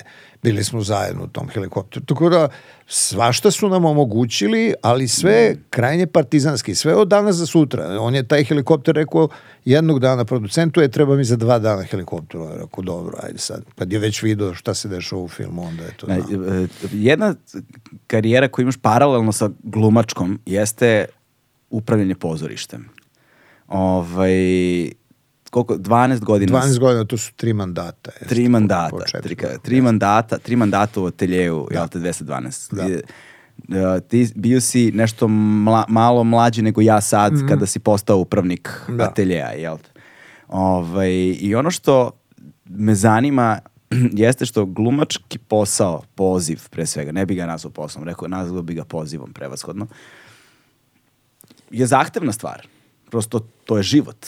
Ovaj, a s druge strane, upravljanje resursima bilo kog tipa je jedan sasvim drugačiji život. Pa to je potpuno, to je jedinstvo suprotnosti, ja sam to tako shvatio. Mislim, zato što s jedne strane imaš tu apsolutnu slobodu o kojoj govorim, koje možda tada nisam bio ni tako svestan kao izaći na scenu i govoriti neke tekstove ili nešto i raditi sa sobom ono što umeš. S jedne strane, dakle, imaš tu slobodu, s druge strane, u ovome što kažeš upravljanje resursima, tu, to je apsolutno ropstvo. Mislim, tu, Da. tu imaš sve granice postavljene ovako oko sebe i znaš dokle možeš. Tako da, ne mogu da kažem, uvek, ali često puta mi se dešavalo da jedva čekam da završim taj deo robstva da bi uveče izašao na scenu. I, ovaj, međutim, tu, tu je vreme jedan od bitnih faktora, zato što te vreme jede i da bi u tom trenutku upravljao pozorištem, ti moraš tome da se posvetiš ono 24 sata, mislim, nemaš drugačije. I ovaj, a, tu znam imam mojih kolega koji su mi zamerali, kolega, jel, drugara, ovaj, tipa Aca Berče koji je u to vreme vodio Narodno pozorište i pre toga, on mi je recimo najviše zamerao u tome što dok vodim pozorište ja paralelno igram, ali meni je Pera Kralj rekao da će me podržati da, da budem direktor pozorišta, sećam se tačno gde smo stajali u bifeu i rekao mi je, vidi, mali, stvarno ono kao, mislim da to ako možeš, to uzmi radi, ali nemoj da ustaneš od glume, to ne smeš da uradiš. I onda sam ja sebi odredio da od tih 12 godina bar jednom godišnje nešto igram u pozorištu i onda sam to tako ovaj, i radio i recimo da sam u tih 12 godina igrao mnogo manje nego što bi inače igrao, ali ostao sam u tom treningu. To je bukvalno Znaš, misli, ko, ono, košarkaš, ono, futbaler, da ne igra sad pet godina, a bio je super, pa Da. ne znam da ga vratiš posle pet godina, teško da će da igra više tako super. Da, da, da. Moraš da imaš kontinuitet u radu. Tu mora postoji neka, ne, neka kondicija i u tom poslu i onda sam zahvaljujući tim mojim ovaj, kolegama os- ostao na sceni s jedne strane, A s druge strane, uh, bivši upravnik ateljeja 212 Muci Draškić, reditelj, koji je isto tako bio 12 godina na, na tom mestu, mi je rekao kad sam došao na to mesto, kaže da vidi, sad moraš da shvatiš da je pozicija upravnika pozorišta stvaranje neprijatelja. I nije samo upravnika pozorišta, nego bi, bilo koje ličnosti koja krene nešto da vodi. Tako je. On nenormalno ovaj, u kratkom roku stekne neprijatelje iz prostog razloga što do, dojučerašnji prijatelji sada očekuju od njega da samo na njih misli i da njima izlazi u susred. I da ima da, puno razumevanje za njih jest, i svašta jest. nešto. I da. onda to tako nije i onda se to tako stvori. A i ljudi se teško navikavaju na tvoju ličnu promenu. Znaš, da, se, da se ti sad odjednom autoritet, da, jeste, jeste, da se dinamika moći menja u tom, u jednom formalnom smislu, a da nužno u privatnom Absolut. životu ne mora da bude tako. Apsolutno. I zato, zato, zato te i pitam, jer čini mi se da je balansiranje te dve stvari nešto što je meni bi lično iskreno bilo neizvodljivo. Ja sam imao situacije kada sam pokušavao da balansiram kroz medijski ekosistem do duše, da imam neku vrstu to, odgovorne pozicije gde ipak ti donosiš nekakve odluke u vezi sa nečima, svaka odluka je ipak neka trijaža, znaš, da. nikada nije između dobrog i lošeg, nego između dva loša, znaš, da, ili, da, da. ili je uvek nekakvo upravljanje resursima gde nikad resursa nema dovoljno, znaš, mm. i uvek neko ili nešto mora da bude zakinuto. Pa jeste, pogotovo kad je ono, kultura u pitanju i pogotovo kad se prođe kroz to vreme u kome sam ja to radio. Kom periodu dakle, si ti bio? Ja sam od 97. do 2010. Dakle, ja sam došao... Vrlo ozbiljan period. A, u trenutku kad je Đinđić bio postavljen za gradonačelnika mm. i on je vrlo brzo smenjen, recimo, a dakle ta vlada gradska je mene postavila koja je u, u tada imala Goricu Mojović kao sekretara za kulturu i ona je bila ta koja je mene postavila na to mesto zahvaljujući. Čak i pre nje je bio Čović, već, tako? Ne, ovo se da. setim. Ovaj, ali u svakom slučaju ona je kao sekretar za kulturu bila neko ko je bio zadužen za pozorište i ona je stvarno dok je radila to ovaj, stvarno puno uradila za pozorište u Beogradu i ovaj a, kaže, Đinđić je otišao, uh, ali je još uvek, vlast je bila ono dvostruka. Da, ja? da, da. Takozvana opozicija je bila tada na vlasti u gradu, koja je mene dola na tom mestu, a takozvana vlast je bila SPS i Milošević, koji je bio predsednik još uvek.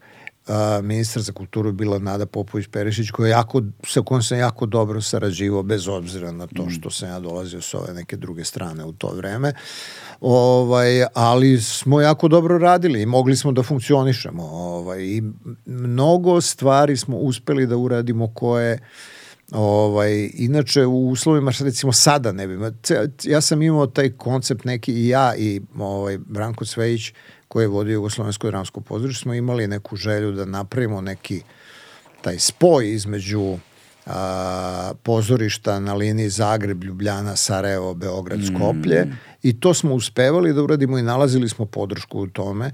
O kom ovaj, periodu govoriš? Do posle 2000-te?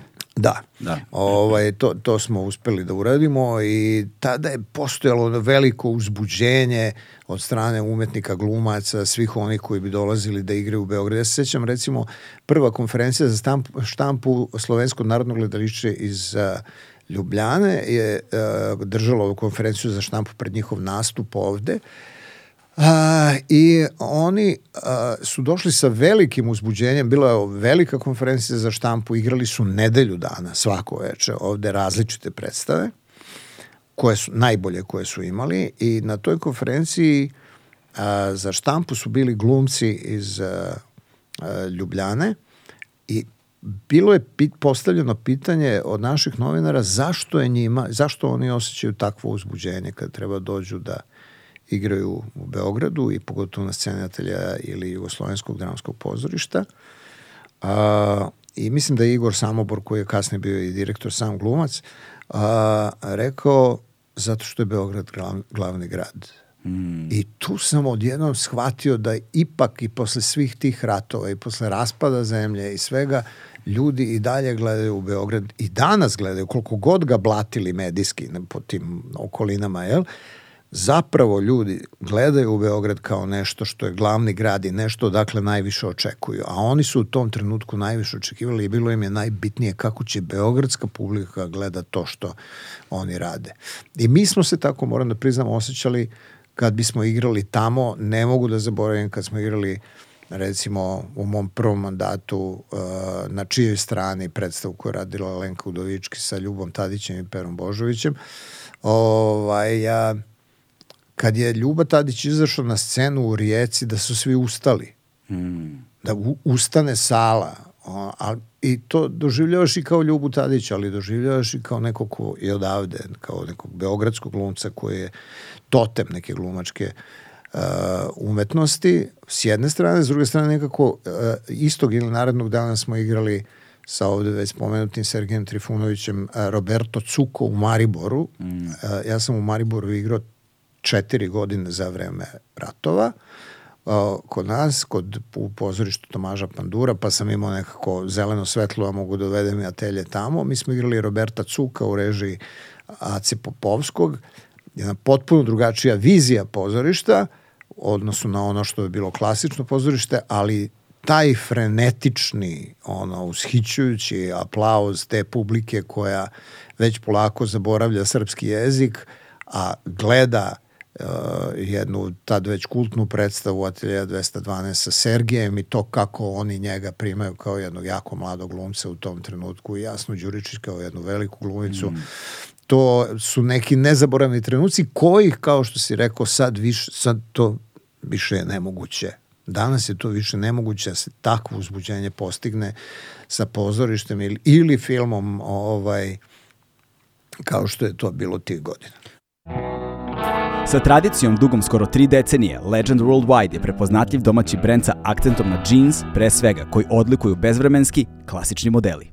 Pa ne bih nužno rekao nemoguće, samo mislim da nek određene okolnosti treba da legnu na određeni način. Ipak, evo, bio mi je tu i Dragan Markovina je govorio, recimo, bio je tu i muzičar, jel te, reper Vojko Ve i sve, i oni su svi govorili istu stvar, kao kada stvaraš nešto, u kulturi, umetnosti, da. generalno, jedna stvar je uspeti u svom mestu, ali na kraju dana opet cilj je da dođeš u Beograd i kada tu napraviš uspeh, znaš, da si, znaš da si regionalno uspešan pa muzičar. muzičar, glumac, spisac, rejtelj, šta god. Da, dobro. Znaš, to... ja, ja nešto govorim generalno o tom nekom ne, ne, nekom... Duhu. Da, nešto to kao nek, nekom obostranom emotivnom naboju koji onako, mislim, Pa ipak mi ispunjavamo isti kulturni prostor. Jeste. Govorimo isti jezik, e, imamo istu prošlost. Jeste. Ovaj, kako zove, Povezani smo neraskidivo. Koliko god se trudili da to razvojimo. Na jednom festivalu u Vancouveru, filmskom, ovaj, u vreme rata u Bosni, smo se našli Ademir Kenović i ja, koji je izašao iz Sarajeva e, i pokazao mi je svoj bosanski pasoš u tom trenutku koji je imao broj 0002. Wow. Ovaj, I na konferenciji za štampu pa su nas naravno pitali kako možemo da sedimo za istim stolom nas dvojica kad su naše zemlje u ratu. Ovaj, a on je rekao Pa možemo zato što ja imam jedno drugačije osjećanje prema svemu tome, a Cvele je antički Jugosloven.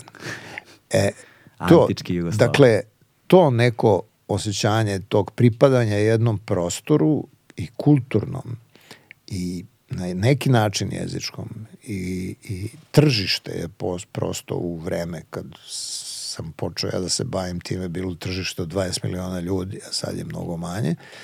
Ovaj, to je nešto što ne može da se izgubi. Mislim, to, mm. to, u mom osjećanju je to tako. I sad kad sam skoro vozio ovaj, u Sloveniju pre mesec dana, to osjećanje nemanja granice između Hrvatske i Slovenije mi je bio takav dežavi. Da. U odnosu na vreme kad sam išao na Istru, u, u vreme postojanja Jugoslavije, odnosno samog početka raspada, Jugoslavije i ratova, to osjećanje da ti samo prođeš kroz nešto i da odjednom kao ljudi krenu da govore neki drugačiji malo jezik i drugačije malo izgledaju ta sela i to sve, to je nešto što mislim da bi budućnost morala u svakom slučaju da donese. Jer ova granica na Batrovcima je ipak granica Da. i mislim ti se tu sad teo nekto osjećaš da bez obzira što govoriš isti jezik i sve, mislim koliko god ga drugačije zvali, ovi policajci imaju druge uniforme i na drugi način ti se obraćaju i sve se radi na tome da ti shvatiš da je to druga zemlja. Okej, mislim, Da. ajde, ali mislim to je ist, na neki način isti duh I, i koren jedne te iste kulture i, i, i koren možda različitih vera, ali e, ipak jednog razumevanja pre nego nerazumevanja. Stvar je u tome što je demokratija kod nas proizvela to nerazumevanje i dovela ga do maksimuma i ta demokratija koja se kod nas pogrešno shvatila i ta politika koja je kod nas bila a nažalost u u dobroj meri ostala teorija isključivosti, dakle princip isključivosti ili će biti ovako kako ja kažem ili te neće biti, pa sad i s jedne i s druge strane ko je jači. To je dovelo do toga da ovaj, se sve to e, potpuno rasturi i kao zemlja u dobroj meri i kao životi pojedinih ljudima i kao prijateljstva Da. ja? ali neko malo zrno je i dalje ostalo negde i zato je Ademir bio u pravu kad kaže da sam antički Da. Jugosloven. Da, mi smo imali sad divno iskustvo, bili smo u Istri, jel te? I onda smo rešili da odemo do Trsta Da. kolima, što nije ono, šta je sad, sat vremena vožnje, ono.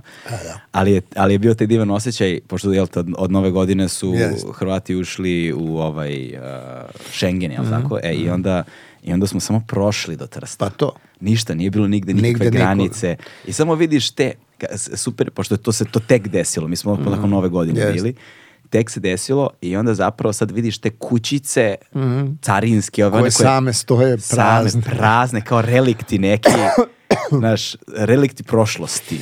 Jeste, ali ovaj... A, Više ih nema, na primjer, između Slovenije i Italije su ih sklonili. Samo Pa da. ima tabla. Da, gde piše Italija, I piše jeste, Italija. jeste. Ali ovde sad još uvijek stoje jer se tek desilo. I onda ih vidiš kao neke prazne simbole. Neče, Jeste, ali to je bitno drugačije osjećanje. Stvarno, Stra- jeste, stvarno jeste.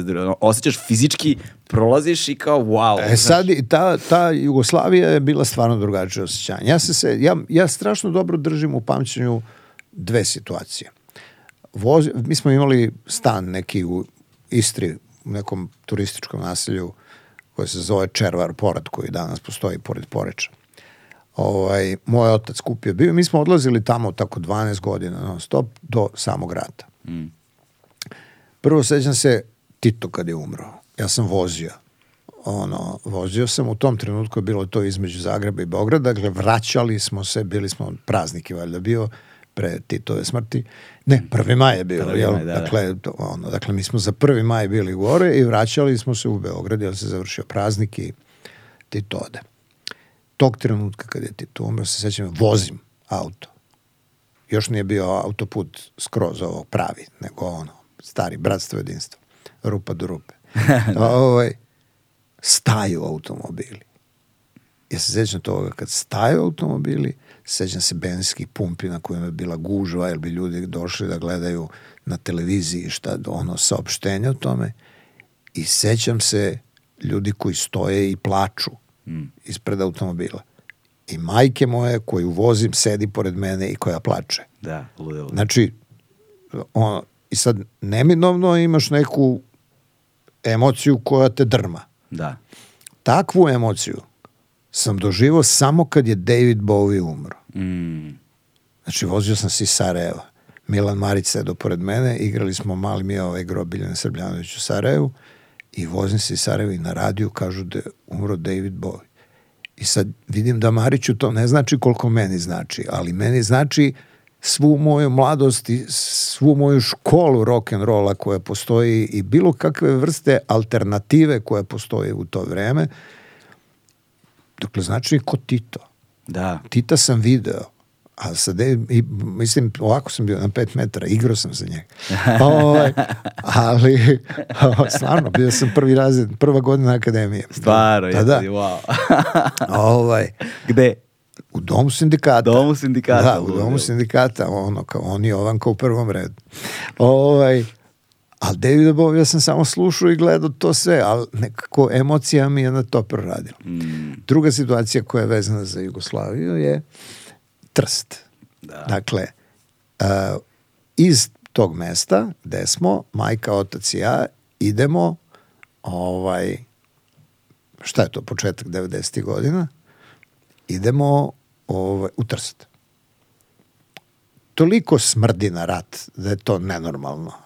Mislim, te, ti predsednici tih naših republika, oni su se nalazili jedan put mesečno pa su diskutovali o tome kako da ne dođe do rata i sad Slovenci navijaju na to da budu sami, Hrvati isto tako, mislim na rukovodstva, jel? Ovo, Bosanci, Makedonci ćute, no, svi gledaju u slobu, on kao radikalno sve ili ovako ili onako, ali to se tako ponavlja iz nedelju u nedelju i to tako. Međutim, kad smo otišli tamo, to je ipak more. Ja sedim na obali mora i gledam u more i kažem, kako može da dođe do rata kad ovo more postoje? Mislim, to je potpuno bez veze. Dođem ovaj, kući i kažem majci i ocu, ajmo idemo do Trsta na kafu, bukvalno to, 60 km nam je od stana do tamo. I sednemo, vodim, vozimo se i odjednom na putu tom, znam, ima m, rečica koja se zove Dragonja. I na, uvek tu prođemo preko te Dragonje, to je mali mostić jedan, odjednom stoji saobraćaj neki tu. Prolazimo mi, stignemo dotle i vidim neke bagere. Bageri kopaju nešto, ono, vade neku zemlju, premeštaju i tako dalje. Ja vidim čekamo mi, otvorim prozor, pitam jednog radnika, rekao, izvinite, šta, šta radite ovde? A on mi kaže, zidamo grancu bolan.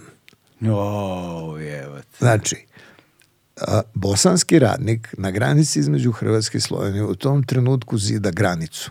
U tom trenutku ja okrećem auto, vraćam se nazad i kažem mojim roditeljima pakujemo stvari, moja majka koja je vrlo realna, kaže da, pakujemo stvari ovde, neš, ništa se dobro neće desiti. Strašno, da. Moj otac kaže, ma nema, ma kakav, ma ne, ma kakav, ma, ma ne, ja, vi idite, ja ostajem.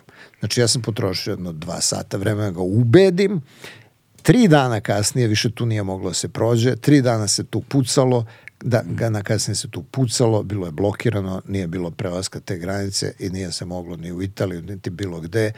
I on je mogao samo preko Venecije posle da dođe, ono i Mađarske do Beograda, jer je sve... Dakle, to osjećanje tog raspada koje je vezano za to, ali dobro, s jedne strane, to je nesreća da sam imao prilike da to doživim. Nesreća je da sam imao prilike da doživim i rat i ja i moja starija čerka.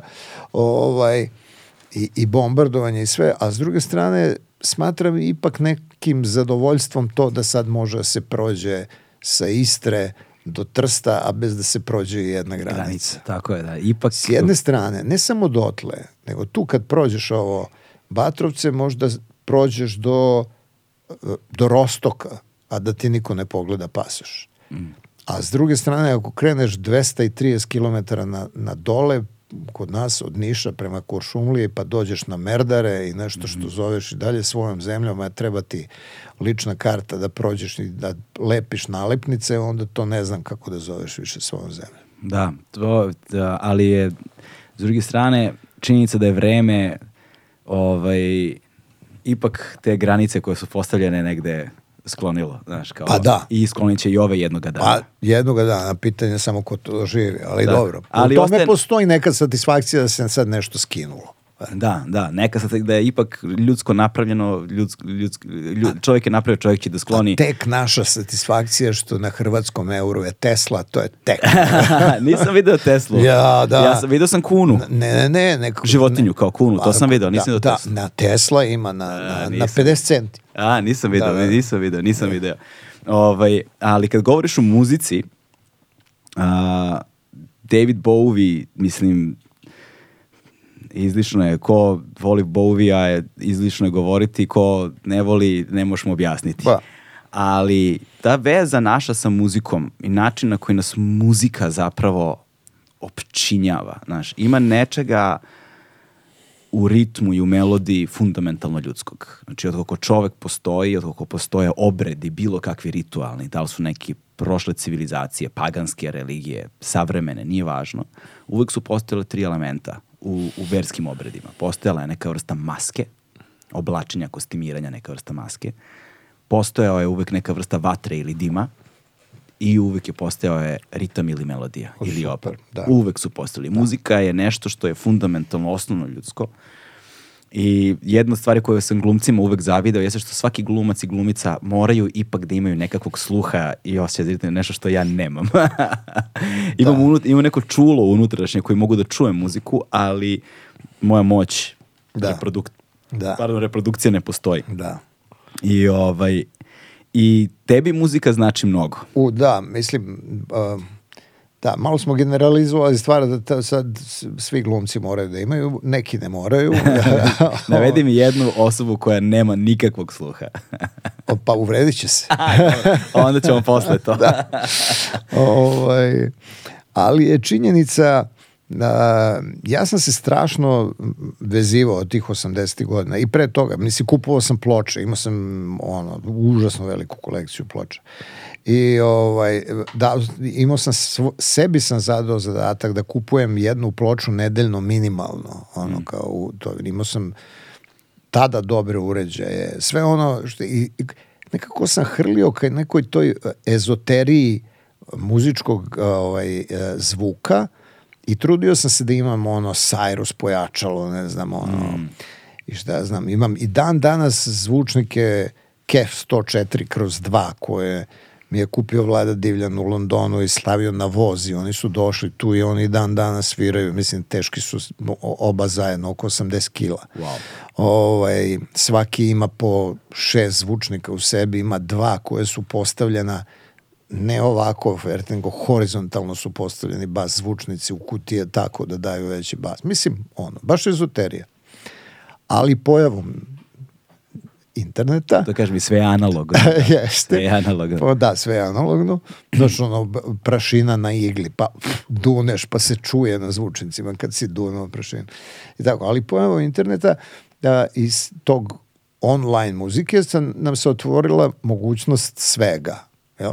Da. A, ali kvalitet zvuka je opao zapravo. Kompresije su, da. Da. Ima sad ovih aplikacija koje imaju, recimo, čini mi se da Tidal, Da. kao, kao što je Spotify, kao što je Da, Deezer, kao što da. je sad, mislim da Tidal ima varijantu uh, da mogu ti FLAC failovi da se slušaju i da imaš kao puno audio iskustvo, ali opet moraš da imaš Pa moraš da imaš, je- te, tebi zvuk najviše zavisi od najslabije linije koju imaš u svojoj liniji. Mislim, možda imaš tako doći da su ti slušalice katastrofa. Mislim, to. ne katastrofa, nego prosečne. To i mi pričamo za ovo. Džabe si kupio skup mikrofon ako si proterao zvuk kro- kroz kabel od 500 dinara. E, recimo ta, Da, da, tačno, džabe. bukvalno tako. Ali, ovaj, a, dakle, ja sam prošao kroz celu tu školu muzike. Sad sam bio, prošle godine sam bio u, u New Yorku, recimo, i gledao tu predstavu a, Davida Byrna, Mm. ko, a, ko je potpuno ludilo, mislim, ko je na, ko je na kraju Spike Lee je snimio film o tome. Nisam znao da je David Byrne ima Pa predstavu. pred, da, predstavu, ono, to je potpuno, poslaću ti link. Obavezno, obavezno, obavezno. Ovaj, tako da je to onako nešto što me stalno vuče, a onda sam kroz tu muziku zapravo zahvaljujući, tačno se sećam Goranu Vejvodi koji je radio muziku za Baby Doll recimo i ovaj, producirao neke ploče EKV, onda sam zahvaljujući njemu doš, doprao nekako do istoka. Jel?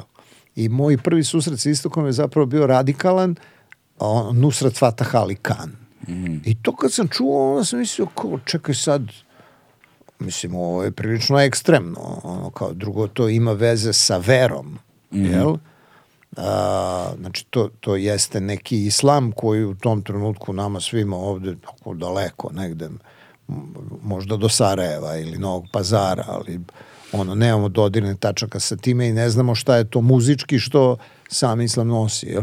Ali Nusrik Fadak Ali Khan mi je tu otkrio dosta toga. E onda sam to tako slušao, slušao, onda sam pre a, ovaj, a, a, kad sam snimao film Gluvi barut sa Batom Čengićem i pitao Batu Čengića ko će da radi muziku, on mi je rekao Goran Bregović. E sad, u to vreme da će Goran Bregović da radi neku muziku, to je bilo, ne znam sad kako bi to mogo da otpišem, da kaže neko, a to bi moglo lakše da, da će ovaj, neko od, od ovih tipova koji, čiju muziku ne razumem i koju danas slušam, da će da radi sad fizik, muziku za, ne znam, film Miša Radivojevića. Mislim, to je bilo nespojivo.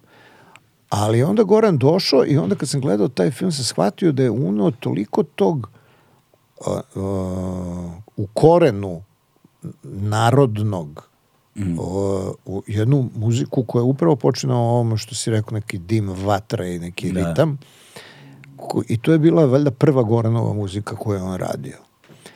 I nakon toga, kad sam u Sloveniji radio kod Tomaža Pandure, radili smo predstavu Ive Svetine, koja se zvala Babilon. Mm.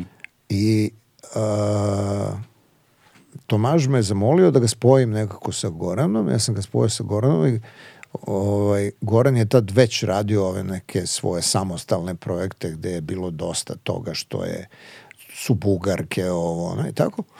I onda je a, Tomaž od njega, kad smo došli i on je gledao tu predstavu koju smo radili, i onda je on od njega tražio da napravi nešto što ima konekciju a, istoka i dalekog istoka, hoće reći Indije. Mm. Ja? I onda je ovaj napravio, to, to je fenomenalno, to nema nigde, iz, ima na, ono, kucaš na YouTube. Zurle, sitar. Da, da ono, da, da. Babilon, neki ritam su, ono, ti to. I to nikad on nije pretrano komercijalizovao kao što je svoje stvari komercijalizovao.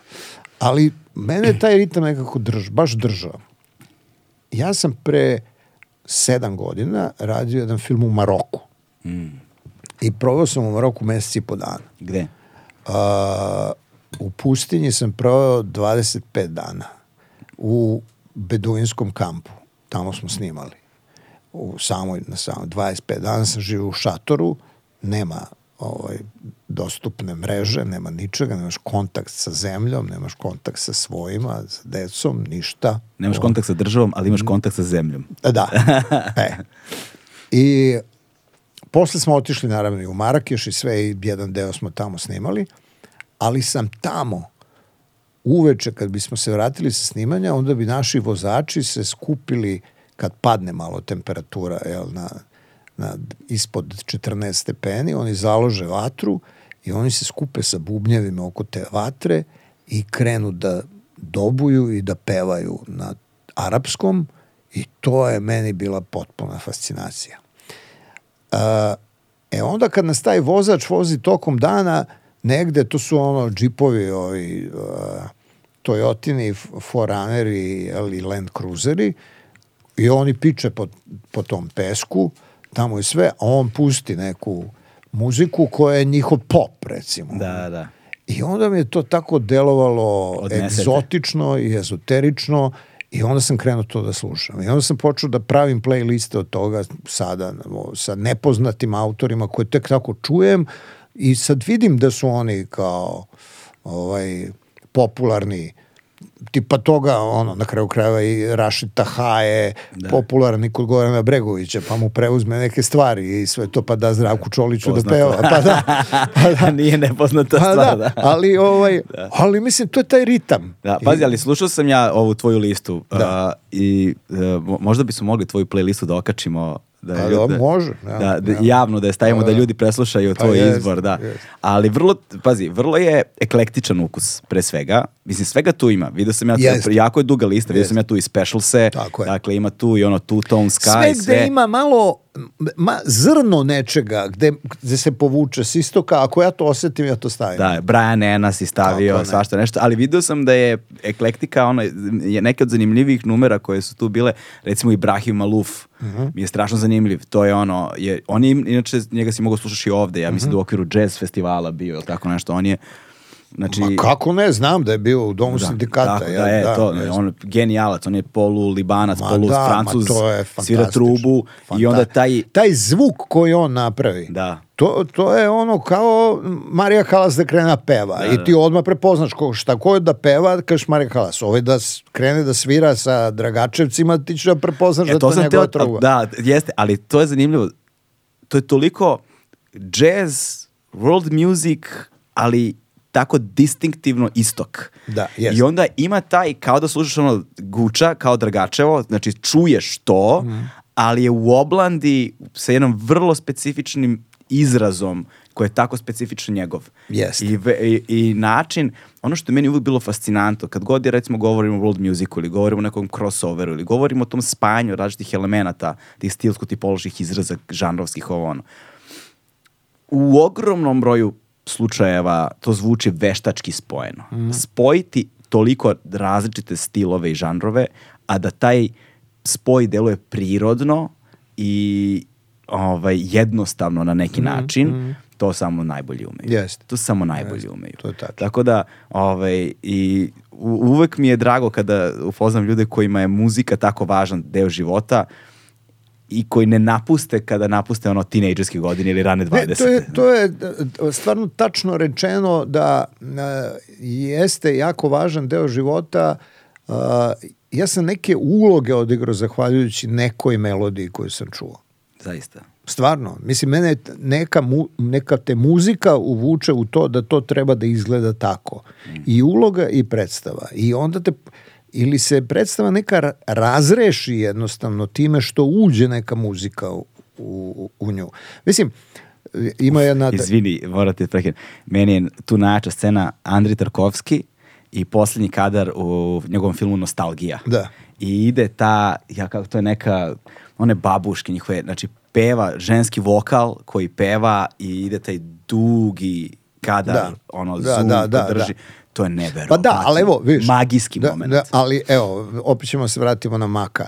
Uh, misterij organizma se završava time što lik koji je uh, prvak sveta u klizanju, a zove se Vladimir Ilić, ovaj, sa svojom klizaljkom odseče glavu ženi koja je zaljubljena u njega, a nju igra Milena Dravić. I onda posle nađu tu glavu i sve to. I sad on ostane Makaveo. i on tuguje za njom na kraju i krene da peva François Vignona, ovog uh, Okudžavu. Znači, Mak pusti Ivicu Vidovića da peva Okudžavu. Okudžavin glas. Da. Ali i ta muzika razreši ceo film, ona unese odjednom neku emociju koja nije postojala kao emocija u tom filmu, stalno si suočen sa, da, taj film nije film, to je doktorska disertacija, mislim, na temu ono, seksualnosti, šta ja znam, pa 76. godine, možeš misliti. Ovaj, ali o, o, ovaj, on emociju unese u zadnjih tri minuta filma zahvaljujući muzici koju je izabrala Bojana, jel, njegova da, žena. da, da. I ono, i sve legalno su oni to dobili i prava od Okuđave i sve, i platili i sve, i stavili i to je onako, to je ključ.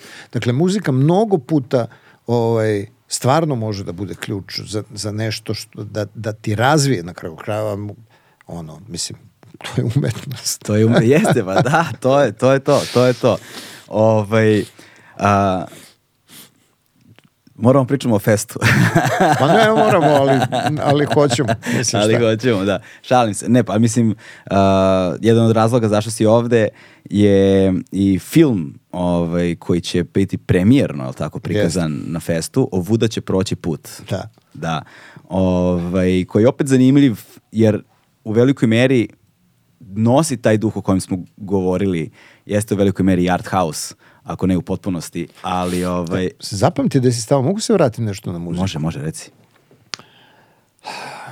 A, radili smo film sa Mišom Radivojevićem koji je moj veliki prijatelj, mislim, ono, apsolutno jedan od najvećih reditelja koji imamo, ovaj, koji se zove Odbačen. I Miši je obično sve njegove filmove je muziku radio Bata Kovač. I I ona se skoro napustila. Jeste, ali oni su bili veliki prijatelji stvarno i Bata je, a ja sam pratio Korni grupu stvarno od svojih gimnazijskih dana i mislim to, to je isto bio taj, taj progresivna muzika tog vremena je bilo oličenje Korni grupe. Međutim, Bata je posle otišao to što je otišao i bavio se, živeo od toga na kraju krajeva i pravio izvanredne stvari i, i pop i rock i, i ovo muziku. I sad dođemo, gledamo projekciju i Bata treba da pravi muziku. I Miša mu kaže, vidi, ja bih hteo da napravim muziku, ali koja će nikako ne sme da nas uvede u neku melanholiju, neka tuga i nešto. Mora da bude nekako različito od toga. I sad Batum kaže, dobro, okej, okay, ajde. Napravi on muziku, mi dođemo, gledamo, fenomenalno, divne melodije. Miša kaže, neću. Ne bih hteo da bude melodija. Melodija odmah vuče neki sentiment. Hoću ovo bude tvrdo nekako. Bata opet uzme, napravi to, donese mu vozim Batu kući, Bata kaže, ma ne, nije dobro to cvele tako da uradi. Ne, znaš, neće hteti publika da gleda, mora nekako se veže. Pa rekao, znam, ali pa, poznaješ Mišu, Miši nije cilj da publika gleda, da svoj film. da, Mislim, da, ono, kao baš ga pa- briga, da. Ne pravi film sa publikom, ga pravi za sebe. Mislim, zato i radim s njim. Ovaj, donese on treći put, kaže, Miša, dobro, imam neku ideju šta ćemo da radimo. Joj, on je okrenuo naopako. Znači, on je pustio traku nazad. Ao. I to je pustio. I to je dan danas u filmu muzika. da. Pa, ot- otvaranje filma je to. Posle ima i normalne batine muzike. Da. Ali oči Bate Kovača, kada je shvatio da mu je Mišar Divojević okrenuo naopak u muziku. Ja ne znam kako bi ja reagovao, recimo, neko treba da izađem na scenu pa neko okrene na glavačke, ono, Da, da, kao da, da. otprilike tako. Ali do te mere je Miša sam imao osjećaj za to da ne sme da odvede publiku u sentiment, nego da mora racionalno da je drži i da neka vrsta iritirajućeg tona. Jer to iritira, to je ono uau, uau, Da, kao, da, to je da. ta muzika koja se vidi da je. E, ta vrsta iritirajućeg tona je njemu pogovala za to i on se sa tim tako izborio i što nije ni kompozitoru rekao. Da, ali, ali, ali ja mogu da razumem to jer sam u svojem razvoju uh, jel te, slušanja muzike u godinama, Da. ono, godinama, jel Da. te, imao brojna neka izdanja, brojne neke albume i bendove koje recimo dobijemo od drugara na kaseti. Mhm. Ili bude pesma, na primjer, na kompilaciji ili nešto, koje kada čujem sonično, dakle zvučno, u meni izazove takvu nelagodu Da. da ja odložim kasetu. Da, ima, razumem. ima bendova koji, su bili koji su meni prosto bili zvučali su mi kao histerija, Mhm. kao buka, kao nasilje neko nad ono nad, Jeste. nad, nad slušnim aparatom, znaš, nad mo, mo- ono da kao da me neko nožem u glavu ubada Da. i kao čekićem da me razvaljuje. Ja bacim kasetu i onda na primjer 10 godina kasnije se vratim. Da. Dok je još sve bilo analogno i dalje, jel te, da? da. Vratim i odjednom mi prija. Shvatim da sam ja zapravo evoluirao Jeste, sigurno. u razvoju, u Mm. slušanju i tada sam se zaljubio u pojedine muzičke pravce koji su, su mi izazivali tu vrstu nelagode, gde zapravo se zahteva i od tebe određena Mm. vrsta adaptacije, da je ona dvosmerna ulica, jer kada ti se muzi- muzika muzički izraz postane neobičan na neki način. Mm. Iskoči iz onoga što je matrica nečega što tradicionalno ljudima prija. Jeste. Melodič, melodijska linija ili ritmično ovako ili onako. I kada te izmesti, kada ti bude, kako bih ja to rekao, kada bi ti muzika bila za broj veća. Mhm. Znači, taman toliko da se ti snalaziš da razumeš, ali taman toliko iščašeno da, da te malo, da, Da. te žulja. Da, te da, žulja na da. neki način. I da, Da. ti moraš da pronađeš, pronađeš način Mhm. kako da se prilagodiš njoj, taman koliko se ti prilagodiš njoj, onda se ona prilagodi tebi. Opet je to ona dvosmena ulica kao sa Pulskom. Jeste, arenom kada si jeste. govorio i Da. ovime. I kad god sam to uradio, shvatio sam da sam ja napredovao, Mhm. da sam ja evoluirao, da sam se ja malo transformisao i promenio i otvorio za razumevanje nečeg drugog. Jeste, to je jako dobro osjećanje kad čovjek shvati da se menja. Mislim da, nije, m- mislim, o, ja- jedan smo sedeli u garderobi u ateljevu i ovaj, a, Đuza Stojiljković a, sedi, igrali smo glembe i on glembe. kaže i šta, šta sada? Mislim, sedim ovako celog života u garderobi i mislim, ali to sam ja. To sam ja i kad sam igrao Plač i volja na zemlju, imao sam 20 i nešto godina, igrali u domu sindikata, to sam ja isto ja. Ljubiša Ristić mi sede u krilu, bio ružno dete, tako i ostao. Krive noge. A pazi sad on veliki reditelj, mislim, ali ja sam ostao ja. Ja mu kažem, pa Đuzo nije baš sve, ono, ostali. Pa promenio sam se malo, imam bore, omatoreo sam, teže se krećem i tako. Ali iznutra, ta ličnost, to sam ja. Tako da s jedne strane ima to da je strašno značajno kad osetiš trenutak u kome više tvoje mišljenje o nečemu nije kao što je bilo. Da. Što je evoluirajuće na, na ličnom planu. Jeste, ali ume da bude i bolan trenutak. U, ja, da, jeste. Znaš, Jeste. ume da bude bolan, posebno ukoliko se okreneš preko ramena i onda reflektuješ stvari iz prošlosti, znaš, a onda ih vidiš pod drugim svetlom, na drugi način. Da, ne, neki put možeš da kažeš da si nešto dosta uradio, a neki put ti se čini da apsolutno ništa. Apsolutno ništa, da. da. Mislim, šta si, ko je zrno peska u, u celom ovom svetu. Mislim na kraju krajeva toliko, znaš, godinama, pogotovo u ovom poslu, toliko toga i radiš i imaš ljudi oko sebe i meni su zapravo u svemu onome što sam radio jedina merodavna tačka su mi bili ljudi sa kojima radimo. Ali sad je toliko tih ljudi otišlo i ovo što mi pričamo ovaj, danas i o Maku i o Bojani, o, o ljudima koje smo pominjali. koji- Vladi, o Pa da. Đuzi, o Pa da. I, mislim, znaš, e, Dboviju. Meni je zastrašujuća stvar kad na mobilnom telefonu mi stigne da se Ljuba Tadić uplja, upravo uključio na Viber. Razumeš? Da. I ja zbog toga ne brišem njegov telefon. Jer uh, Viber ima tu ovaj, mogućnost da ako neko dobije neki telefon, a nažalost naše kompanije kad neko umre pa prođe šest meseci, oni daju nekom drugom. Tako da mi se pojavljuju svi ti ljudi koji više nisu živi da su se upravo uključili na ovaj, na mrežu, na, na Viber, da su novi na Viberu, to su neke anonimne ličnosti za mene, ali mi se kriju pred tim imenima i meni je strašno teško. Mislim da kad bi obrisao te ljude iz telefona, da bi ih na kraju definitivno obrisao. Ovako, ipak sam strašno vezan za to i vreme i, i sve to što sam radio sa njima. E, tako da mi to strašno začne. Ali dužan sam da se vratimo na film. Hoćemo, ali koliko mi je to sad, znaš, ne, ne, e, fascinantno je, znaš, sentiment je snažan, a onda, a onda on otkriva puno toga. Da. Znaš, puno toga ovaj, o našim tako krhkim, a opet tako duboko snažnim međuljudskim odnosima. Pa da. E sad zamisli te ljude koji nemaju pojma čiji broj telefona imaju. I to je zastrašujuće. pa ne, zamisli, da, dakle, imam to, piše mi ljubav. Zamisli da zovem to. Mislim, ali to scenarija za film. Pa a? da. Wow, eto scenarija za film o kojoj može da se razmišlja u budućnosti. Kako zapravo, na koji način ova tehnologija kreira naše odnose i svet oko nas, a da toga nismo ni svesni. U kojim sve nijansama. Da, ali opet sve ostaje na nivou toga koliko god da, znaš, opet ostaje sve, u suštini ostaje sve na nivou ljudskog, znaš. Jeste. Ono, mislim, ja, bili smo Ljuba Tadić, svi smo bili, neko, neka je sahrana bila, neko je umro iz našeg sveta, što se kaže. I ovaj, Ljuba je stalno imao tu priču, tome je Drugić kad ja odem u polja, tako on je to zvao tako da će da ode u polje. E onda je, ovaj, na toj sahrani mi je rekao, slušao je neke dve glumice kako govore na sahrani.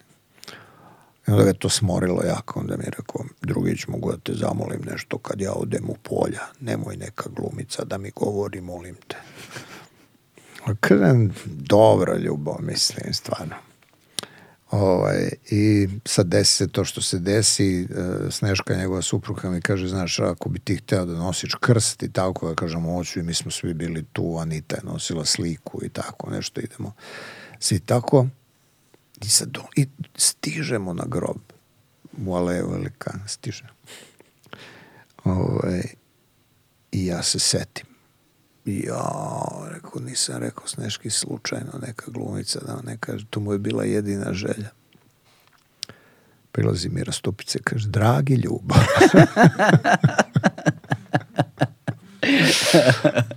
Tako, ali dobro, ipak je bila Mira. jel? Ipak je bila Mira, šta ti je život, a? Pa da, da, da, ipak sve ostaje, to pominjem tu priču zato što ipak sve ostaje, na kraju ostaje na ljudskom. Znaš, ono, mislim, od početka do kraja, mislite, ono, šta život sve ponese zapravo i koliko Nenormalno. Mislim, to, sad opet pričamo o ljubi, ali ovaj, on je bio u Kragujevcu kad je bilo streljanje đaka.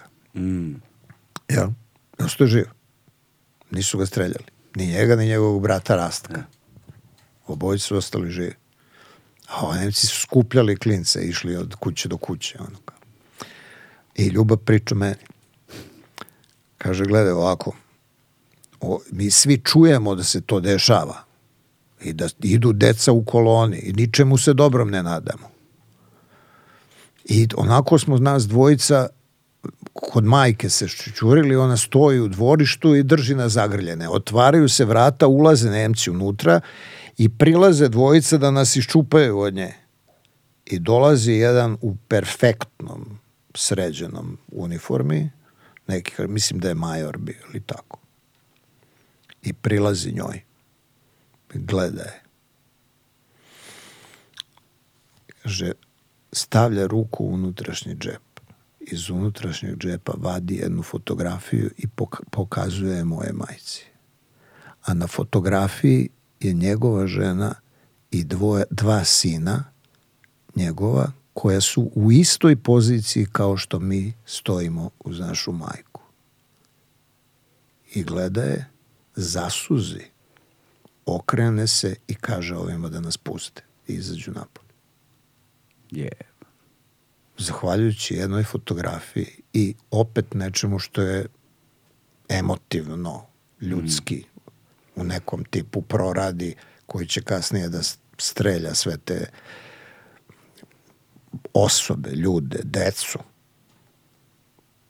Ali na ovom mestu ovi ostanu živi, zahvaljujući takvom događaju. To je događaj, jel? To, je, to je to što kažeš film pravi. Jel? Da, to je, ovaj, a posle ti planiraš život. A, Moramo da pričamo o filmu. Ovuda, ovuda će proći put. Ne, mislim, gle, to što se jedan film kod nas, o, o, naš film prikazuje na festu, to samo po sebi nikad nije čudno. Jel, Jasno. uvek mora da se nađe nešto što je odavde neki trag. To što fest u mom životu znači više od života i što sam se školovao i, i počeo svoje gimnazijske dane sa, sa festom i nastavio kroz akademiju i sve i što sam gledao te neke najbolje moguće filmove, to je nešto što je pripadanje nekoj prošlosti Pa onda nekoj prošlosti pripada i ovo što sam pričao oko Catherine Deneuve i Harvey Keitela, jer sam tih godina i otvarao fest i vodio fest i tako, tako da to je jedno značajna o, značajno mesto u nečemu što je naš život, ne samo kulturni život, nego život. To, o, mislim, to je to što kažu da su dolazile te neke velike ličnosti na fest, jesu. To što je De Niro autostopom išao do Niša, jeste. Mislim, to sve, ali to je sve bilo nekako u okviru festa. Nije to nikad, taj glamur nikad nije bio neki glamur Kana, Berlina. Mislim, meni je to smešno. Danas je smešno. Ovo Berlinski festival je bio smešan na otvaranju. Izgledao ko Eurovizija, direktno. Da. Direktno ko Eurovizija. Mislim, ali to se dakle i u svetu sve nekako preokrenulo. I sad fest je prolazio zahvaljujući tom divnom mestu gde živim, kad kažem divnom mestu gde živim, uopšte nisam, ne mislim pežorativno. Da. Na, mi ne bismo ovakve živote imali da živimo u Švajcarskoj. Mislim, Ne bismo, da. sigurno. O, a ovo uzbuđenje i ove Ludila. o- lu- ludila ne bismo doživjeli na drugom mestu nego ovde i to treba shvatiti kao privilegiju. Ali to što se jedan uh, film uh, koji ne nosi neki ambiciozan naslov o- ovuda će proći put, šta bi to moglo da znači, to je super. Uh, I što je film koji je zapravo diplomski film jedne devojke i to što je taj film snimljen na jednom mestu koje je bukvalno Bogu iza nogu za koje mi nikad ne bismo čuli da nije ove afere oko tih mini hidrocentrala i svega toga, dakle taj topli do, da sam prvi put ja otišao i seo u auto i otišao iza Pirota preko stare planine do tog mesta, to je nešto što je potpuna fascinacija, mislim.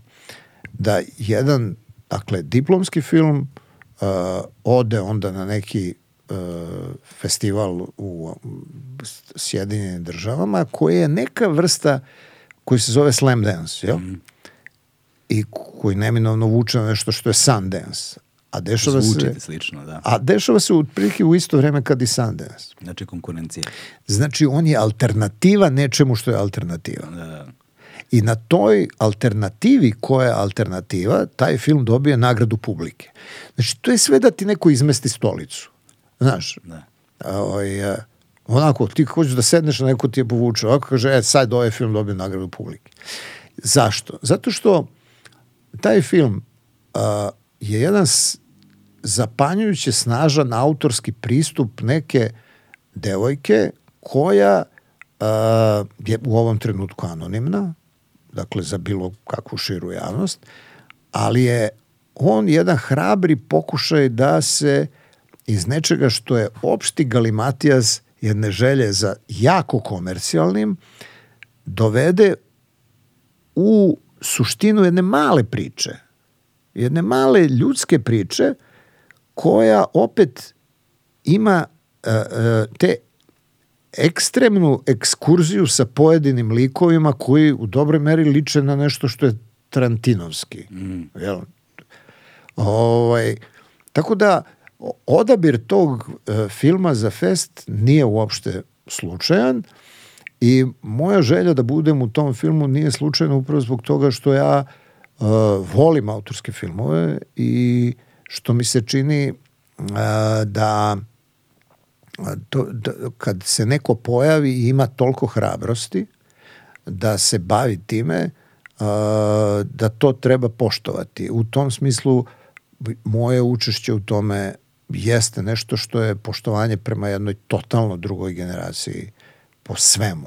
Možda se meni dopada isto u, u takvim formatima je kao ono malo pre što smo govorili o muzici. Gde ti sad moraš da se prilagodiš. Da. Jer tebi neko nešto želi da saopšti. Znaš, i specifičnost, na, specifičan način na koji to želi ti saopšti je negde hermetičan malo. I da bi ti razumeo, dobio ključ a, kojim ćeš da otključaš ono dveri kojima ćeš razumeti taj film, zahteva određenu vrstu napora. Znaš, I to je ono gde ja mislim umetnost dobija na vrednosti ali ne komercijalne vrednosti. Pa, pa Znaš, dobro, mislim, nemam pojma. Mislim, zato je meni to strašno zanimljivo da taj film dobio nagradu publike. Mislim, Da, zato da, što, da. Kakva je to publika? Da. Znaš, kažem, kao, to je, to je, recimo, da to, blago rečeno, ne bih očekivao. Mm. Jel? Zato što taj film ima jednu am, ambiciju. Mislim, on, on, on ide a pari sa nečim što je taj novi evropski film. Mhm.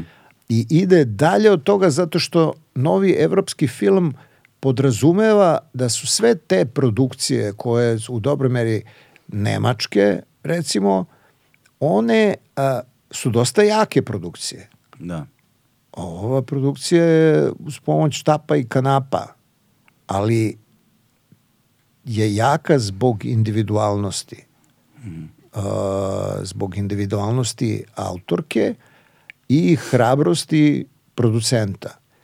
I mislim da to je jako važno da, da je neko u tim godinama na samom početku shvatio da uh, ako želi svoju budućnost da odredi prema nečemu što uh, jeste ova sloboda i istina o kojoj smo pričali na, na početku, onda ta hrabrost mora da se da se poštuje. I užasno me zanima kako će ljudi gledaju to. Da, ali Pa- pored toga, ali takvi ljudi, takav Jer- tip ličnosti su oni koje ja nazivam čuvarima vatre. Pa jest, tačno. Znaš. Eto, dakle, Zato što, za- zato što negde kada uzmeš sve ove okolnosti u, u, u društvu, u našim društvima danas i već duži niz godina i kada sabereš i oduzmeš i znaš šta je neophodno na koji način Da. i zarad ličnog Da. uspeha, zarad a, profita, zarad bilo čega drugog i ti doneseš svesnu odluku da ne ideš niz dlaku u tome, to je već za poštovanje. Znaš, to, već zaht- i to, je, to je već nešto što iziskuje iz norme da. I meni je to sad bez obzira da li je, bez obzira na stepen uspešnosti toga, ali kao Da. činjenica da takvi ljudi i dalje postoje i onaj kohezivni materijal koji načini mi za neki način drži sve ovo da se ne raspadne? Pa, bilo bi lepo da je tako.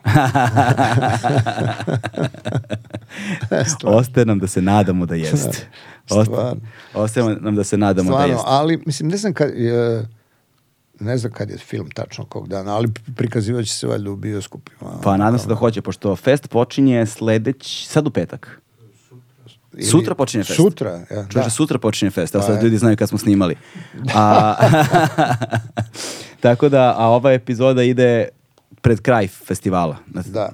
Pred kraj festivala, tako da će verovatno već proći premijera. Jel ti imaš tu, tražiš podatak kada Pa je tra- premijera? ne, tražim, tražim da, da ne bi lupeto podatke, ovaj, Aha. Znaš, onda tražim da, da kao, Pogledaj ti, Mare, ovuda će proći put kada je premijera. Da li će ova epizoda ići, ali neće, čini mi se da će ova epizoda ići posle. Znaš šta sam primetio? To mi je Mislim, sad... bitno mi je, znaš, ovaj, a, ja sam radio sa, a, sa tim ljudima nekoliko filmova. Mhm. Znaš, mislim, a, radio, ja mislim da sam sa producentom radio čak tri filma njegova koje je on režirao. Ja. Ovaj, a, a Nina je tu, Nina koja je rediteljka, eh, je tu bila ono kao prisutna i na tim filmovima. Tako da ih dosta dobro poznajem ovako i dosta dobro se razumemo oko, oko toga eh, šta radimo i drago mi je da to na kraju dođe i do festa, a drago mi je bilo da dođe i do neke publike. Mislim, koliko god. Uh, 25. drugi, evo meni stoji ovde. A 25. drugi je novinarska projekcija. Da. To je sutra. To je, to, Premijera 27. februara 27. je premijera, dakle, bila je. O, za ljude koji slušaju i gledaju ovaj razgovor, bila je premijera. Zakasnili ste. Zakasnili ste. Da.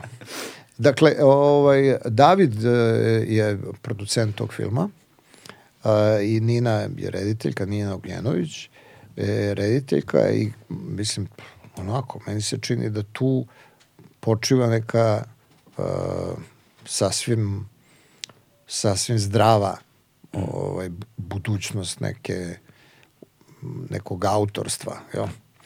Ja sam radio tr- tri filma sa Davidom, ta- sa Davidom Ivanovićem o, i evo ovaj sa njom i svaki od tih filmova ima to nešto ono kao nek, neki snažan autorski pečat što je za, za ljude te generacije stvarno onako. Radio sam jedan film, opet to su, oni su valjda studenti Darka Bajića, radio sam neki film bio pre jedno deset godina koji se zvao Gde je Nađa, koju sam e, radio sa studentima Darka Bajića, isto igrani film.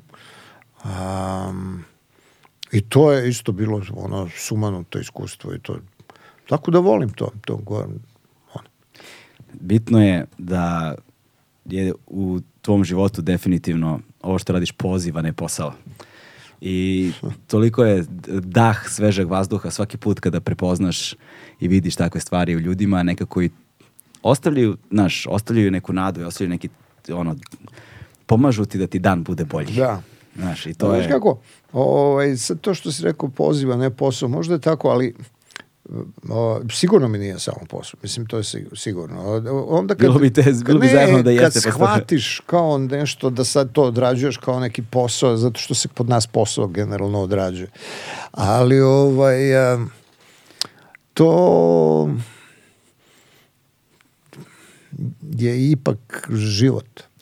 A kod nas se posao generalno odrađuje, ali takvi su okolnosti, ja često to ponavljam, zato što velika većina ljudi kod nas, ono, kad sednu na kafu, sednu i kažu, brate, treba pravimo neke pare. I onda razmišljaju šta će da rade. Pa vidi. A nije obrnuto, znaš, hajde vidimo šta volimo da radimo, pa ćemo da vidimo da li možemo da napravimo pare od toga. da citiramo našu okolinu, ja nikad zbog toga nisam popio kafu i nikad nisam uzeo nijedno alkoholno piće i nikad nisam zapalio cigaretu. Ali stvarno. Mislim, stvarno. Da, Koliko god. da završimo onda na tome. Pa da. Hvala ti puno. Hvala tebi, baš mi je bilo okej da smo pričali. I meni veliko zadovoljstvo i privilegija. Hvala ti puno. Stigli smo do kraja. To je to. Ćao.